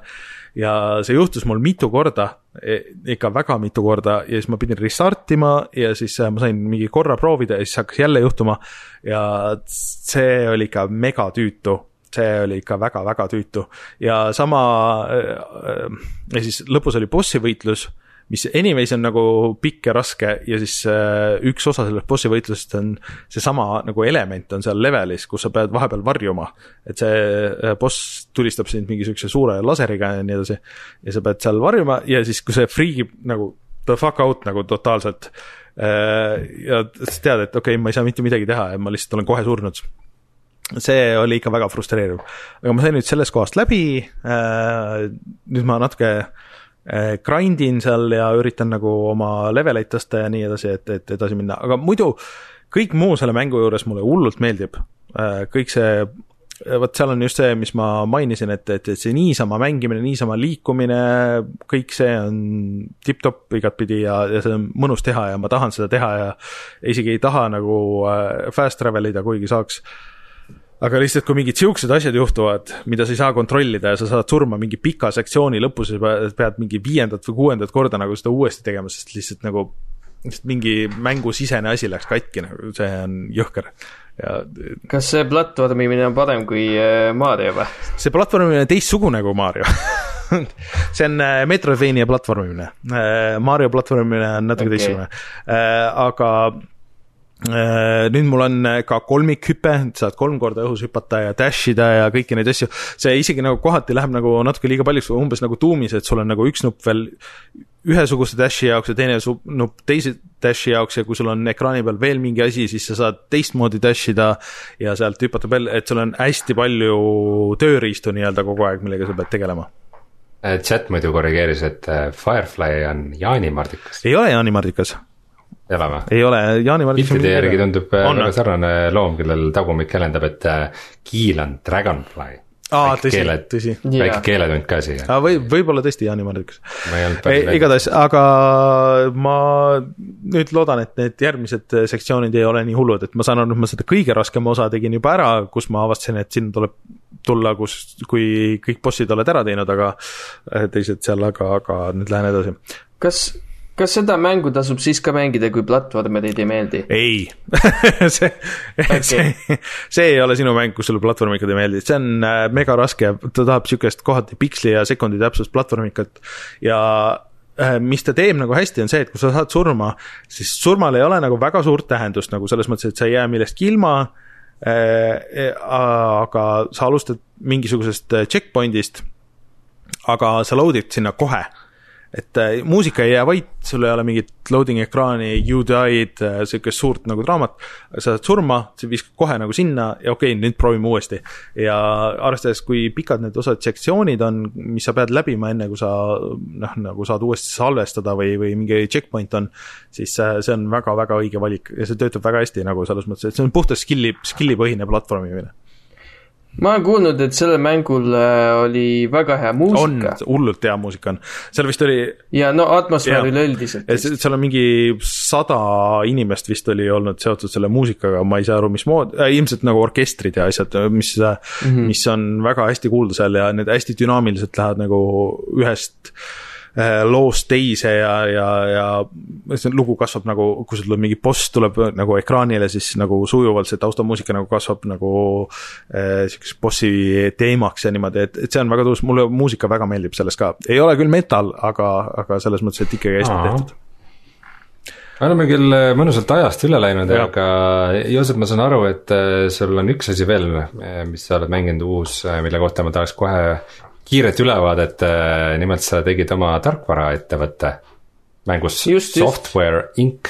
ahah, jep, see on äh, järjekordne early access mäng siis, nagu tänapäeval kõik mängud paistavad olevat. aga äh, mis seal mängus teha saab siis, kui keegi on mänginud kunagi Game Dev Tycoon'i mm., jaa, mis on ka siis sihuke, kus sa ehitad oma mängufirma ja hakkad mänge looma, siis Software Inc läheb natuke laiema, laiemaks ja ta äh, siis äh, laseb sul teha ka näiteks opsüsteemi või viirusetõrjet või, või mingisugust Excelit saad endale teha või midagi. et äh, kogu mäng siis põhimõtteliselt on äh, tarkvara loomine äh, mis selle mängu teeb veel eriti ägedaks, on, et seal on, kui sa edasi arened seal mängus, siis lõpuks sa saad endale kas maja osta või ise ehitada selle, nagu Simsis ehitad endale kontori, paned inimesed õigetesse ruumidesse tööd tegema ja siis seal on ka muidugi siukesed asjad ka, et mõned töötajad võib-olla üksteisele ei meeldi ja siis sa pead eraldi tiimidesse nad panema ja siis sa pead palkama õiged vennad ja siis seal on ühesõnaga hullult manage imis, sihuke majandamismäng äh, et siis lõpuks luua ägedaid mänge okei okay., aga ja, on see äge mäng? no mulle väga meeldib, see on nagu Game Dev Tycoon, ainult et hästi palju rohkem, hästi palju rohkem. kui palju, kui palju ta maksab praegu? Mis ta oli, ta oli mingi kakskümmend euri või? võid kohe vaadata, aga ta, ta ei olnud üldse kallis mäng Mm. mm.. ja noh, ta on early access, teda ikka veel neliteist, tehakse, neliteist eurot. noh, isegi veel Mm. vähem. aga rääkides äh, Simsi laadsetest mängust, ma siia lõpetan, tegelikult mu suurem osa mänguajast on läinud ikkagi Animal Crossing äh, New Horizonsi peale ja seal on toimunud lihtsalt nii palju, et äh, me saare peal elukaaslasega siin mängime, kes ma siin äh, näen kõrval või ekraanide vahelt, et, et äh, mäng põhimõtteliselt käis siin, et äh, järjest rohkem on muidugi see, et mida mäng edasi, seda vähem saab mängija number kaks otsustada, mis asjad toimuvad ja kes iganes esimesena mängis, seda ei saa vahetada, lihtsalt kes asu, alustas seda mängu, peab tegema vahepeal otsuseid, et kuhu läheb äh, linnapea kabinet näiteks, kuhu tulevad uued elanikud äh, ja see on põhimõtteliselt see progressiooni nagu level ja cap et äh, kui teine mängija jõuab nagu nende asjadeni, siis ta lihtsalt ei saagi edasi, ta võib seal edasi käia, koguda mingeid ressursse, Minecrafti nagu teha selles mõttes, et, et mingeid asju saab ehitada, aga lihtsalt, et, et mäng nagu edasi läheks ja quest'id, uued quest'id ja asjad tuleks, siis peab see mängija number üks tegema mingid asjad ära ja siis saab teine ka edasi minna. Kas, kas mitte ei olnud igal inimesel oma ei ole, vaata just vastupidi ongi, et iga Switch'i peal on üks saar ja, ja oi. see on äh, kinni selles Switch'is, et seda vist ei saa isegi nagu teise Switch'i üle minna. et kui osta näiteks teine ah. Switch või midagi, siis seda ei saa ümber tõsta, et see on lukus selles Switch'i peal. Äh, mis on, ma saan mõnes mõttes aru, et see on tore, et see noh, nagu äge, et me saame siin kordamööda nagu mängida, aga kui näiteks juhtub nagu sihuke situatsioon, et esimene mängija ei viitsi enam mängida või ei taha mängida või ei jõua mängida ja teine mängija tahaks nagu ikkagi edasi teha asju siis äh, seda ei saa lihtsalt ei ole võimalik nagu et äh, no., et siis tuleb alustada nagu täiesti uus saarte nullist, sest äh, aga siis lähevad nii paljud asjad kaduma, sest et praegu näiteks esimese aprilliga äh, tegelikult see mäng siis on äh,, Animal Crossing New Horizons on siis seotud äh, reaalaja kellaga. Ja osasid asju sa üldse ei saagi, et aprilliga hakkas äh, osadel äh, kaladel ja asjadel näiteks äh, uus hooaeg, osad kalu enam ei saa, osad äh, uued kalad on nüüd äh, püütavad. Ja siis nüüd kuni kaheteistkümnenda aprillini kestab munadepüha event, et saare peale tuli äh, jänes. Ja jänes muutis väga paljud asjad munadeks mis mõnes mõttes on äge, et sa saad nagu spetsiaalseid nagu neid ähm, äh, retsepte, mingeid asju, mida teha, on munadest ja munadest sa saad puudest, sa saad äh, lihtsalt kingitustest, mis hõljuvad taevas äh,, sa saad äh, siis, kui sa püüad kalu, siis sa saad vahel mune. See on nagu äge, spets nagu munadepüha asjad, mis kestavad ainult jah, kaksteist päeva. Aga lihtsalt kohati käib nagu närvidel, et ma tahaks kala püüda, mul on vaja seda spetskala, ma üritan seda kala saada ja raha saada, aga ei, ma saan selle muna mul ei ole vaja seda muna praegu mul on vaja mingeid muid asju sa saad iga asja eest saad muna. kumb oli enne, kas muna või kala? kala oli enne.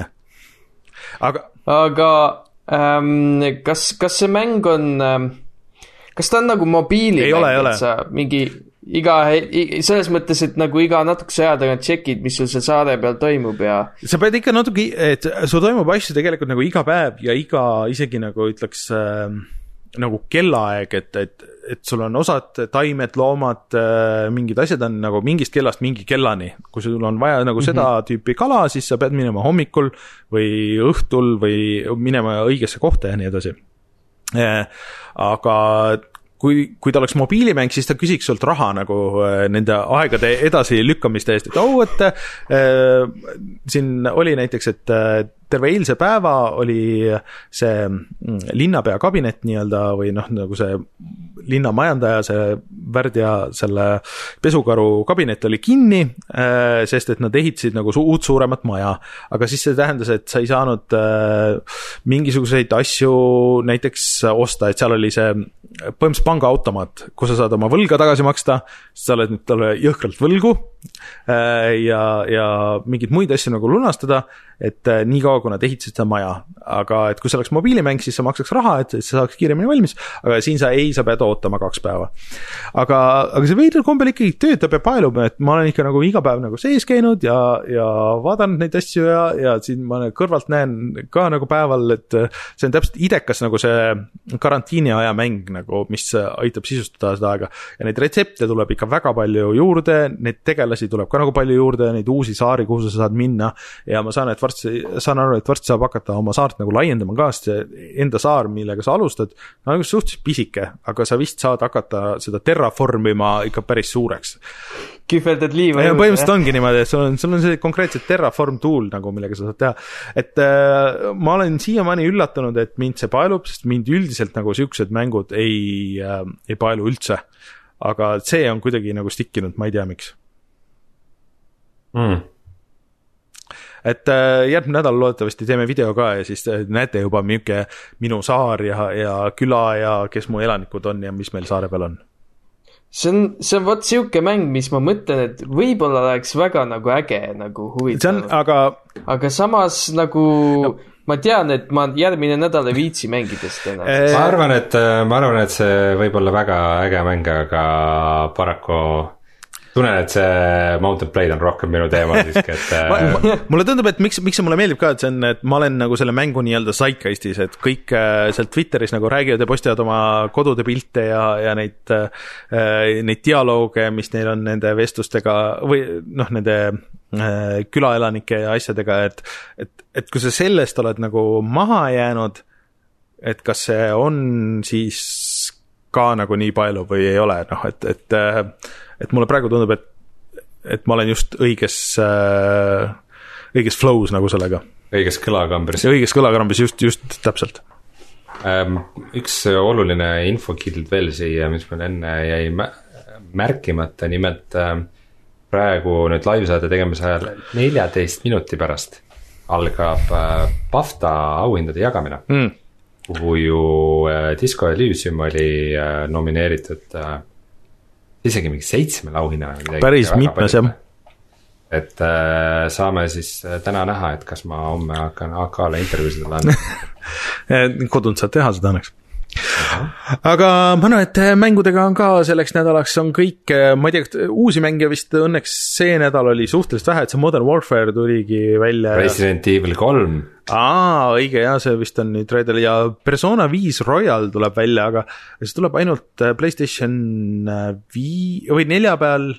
et see on siis Persona viiest see nii-öelda ultimate edition, kus on mingeid lisaasju, mida selles originaalis ei olnud ja nii edasi.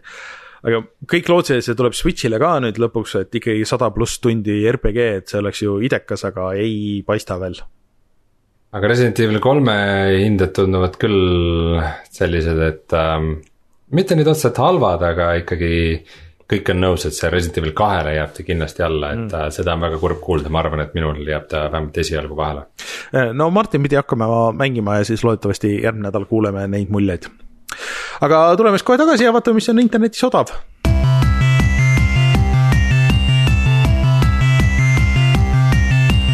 ja nüüd olemegi ta- tagasi ja vaata, Vau, vaatame, mis on kiiresti. internetis odav. meil on isegi variante see nädal, kõiki neid mänge, mis on tasuta. Uplay's on äh, üks mulle väga meeldinud äh, 2D platvormikas ehk siis äh, Rayman Legends on täiesti tasuta veel terve reedese päeva, ma saan aru. mm.. ja Epiku poes ei ole ka üldse mitte kehv saak see nädal mm.. kõigepealt on seal tasuta sihuke mäng nagu Hoob mm, -hmm. mis on siis. kohta vist võib öelda, et on nagu kõige lähedasem asi Zelda mängule, mis sa saad äh, arvuti peal mängida suht. vist jah. selle on loonud äh, Runic Games, kes äh, varem oli tuntud äh, Torchlighti tegijatena mm. -hmm peale hoovi nad läksid pankrotti, sest see müüs nii halvasti, kuigi mingit Torchlighti järgi ikkagi tehakse.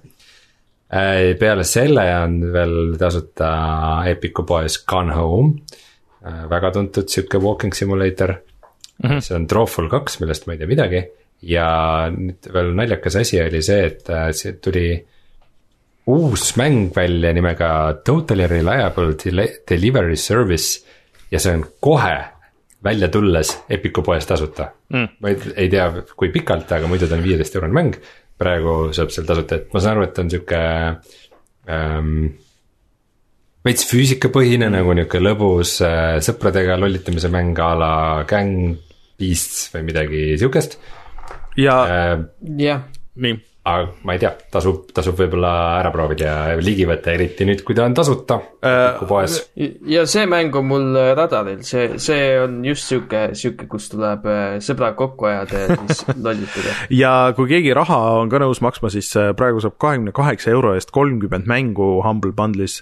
seal kolmekümne mängu sees on näiteks Into the Breach, Undertale, Hollow Knight, The Witness, Superhot, Tilt Brush, Batman, Lego Batman kolm, Fahrenheit, Darksiders kaks, Sniper Elite kolm, Darksiders, the Police äh,, Jackpot Party äh,, Jackbox Party Pack kaks äh, ja Euroopa Universaalis neli ja veel ports äh, jumala ägedaid mänge äh, pluss veel raamatuid ja et, et see on tegelikult äh, selle raha eest väga-väga hea diil.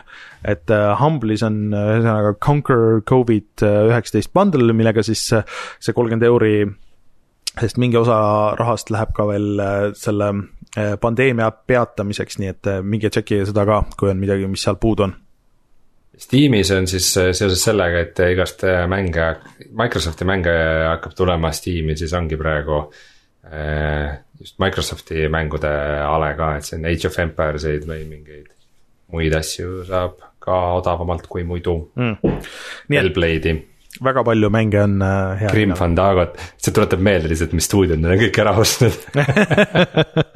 No kõik need äh, Brutal Legend, Psychonauts, Broken Age äh,, kõik on siin äh, olemas selles Covid pakis ka, kui keegi tahab ja Agents of Mayhem, see on kõige, kindlasti kõige olulisem mäng.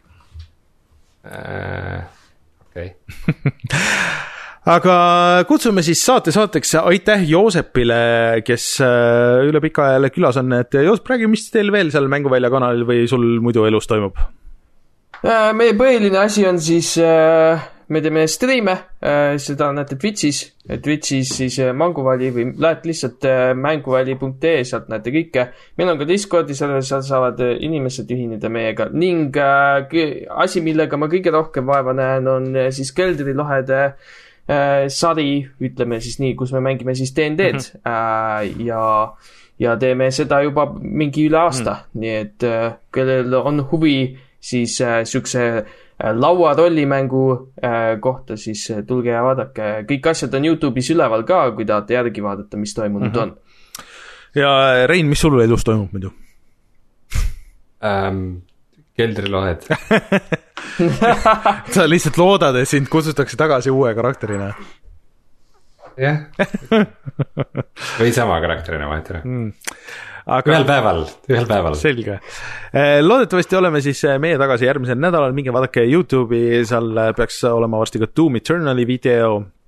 ja siis äh, äh, saame rääkida järgmine nädal ka Resident Evil kolmest ilmselt. ja mina olen Rainer minuga Rein ja Joosep, kohtume järgmisel nädalal, tšau. tšau. tšau.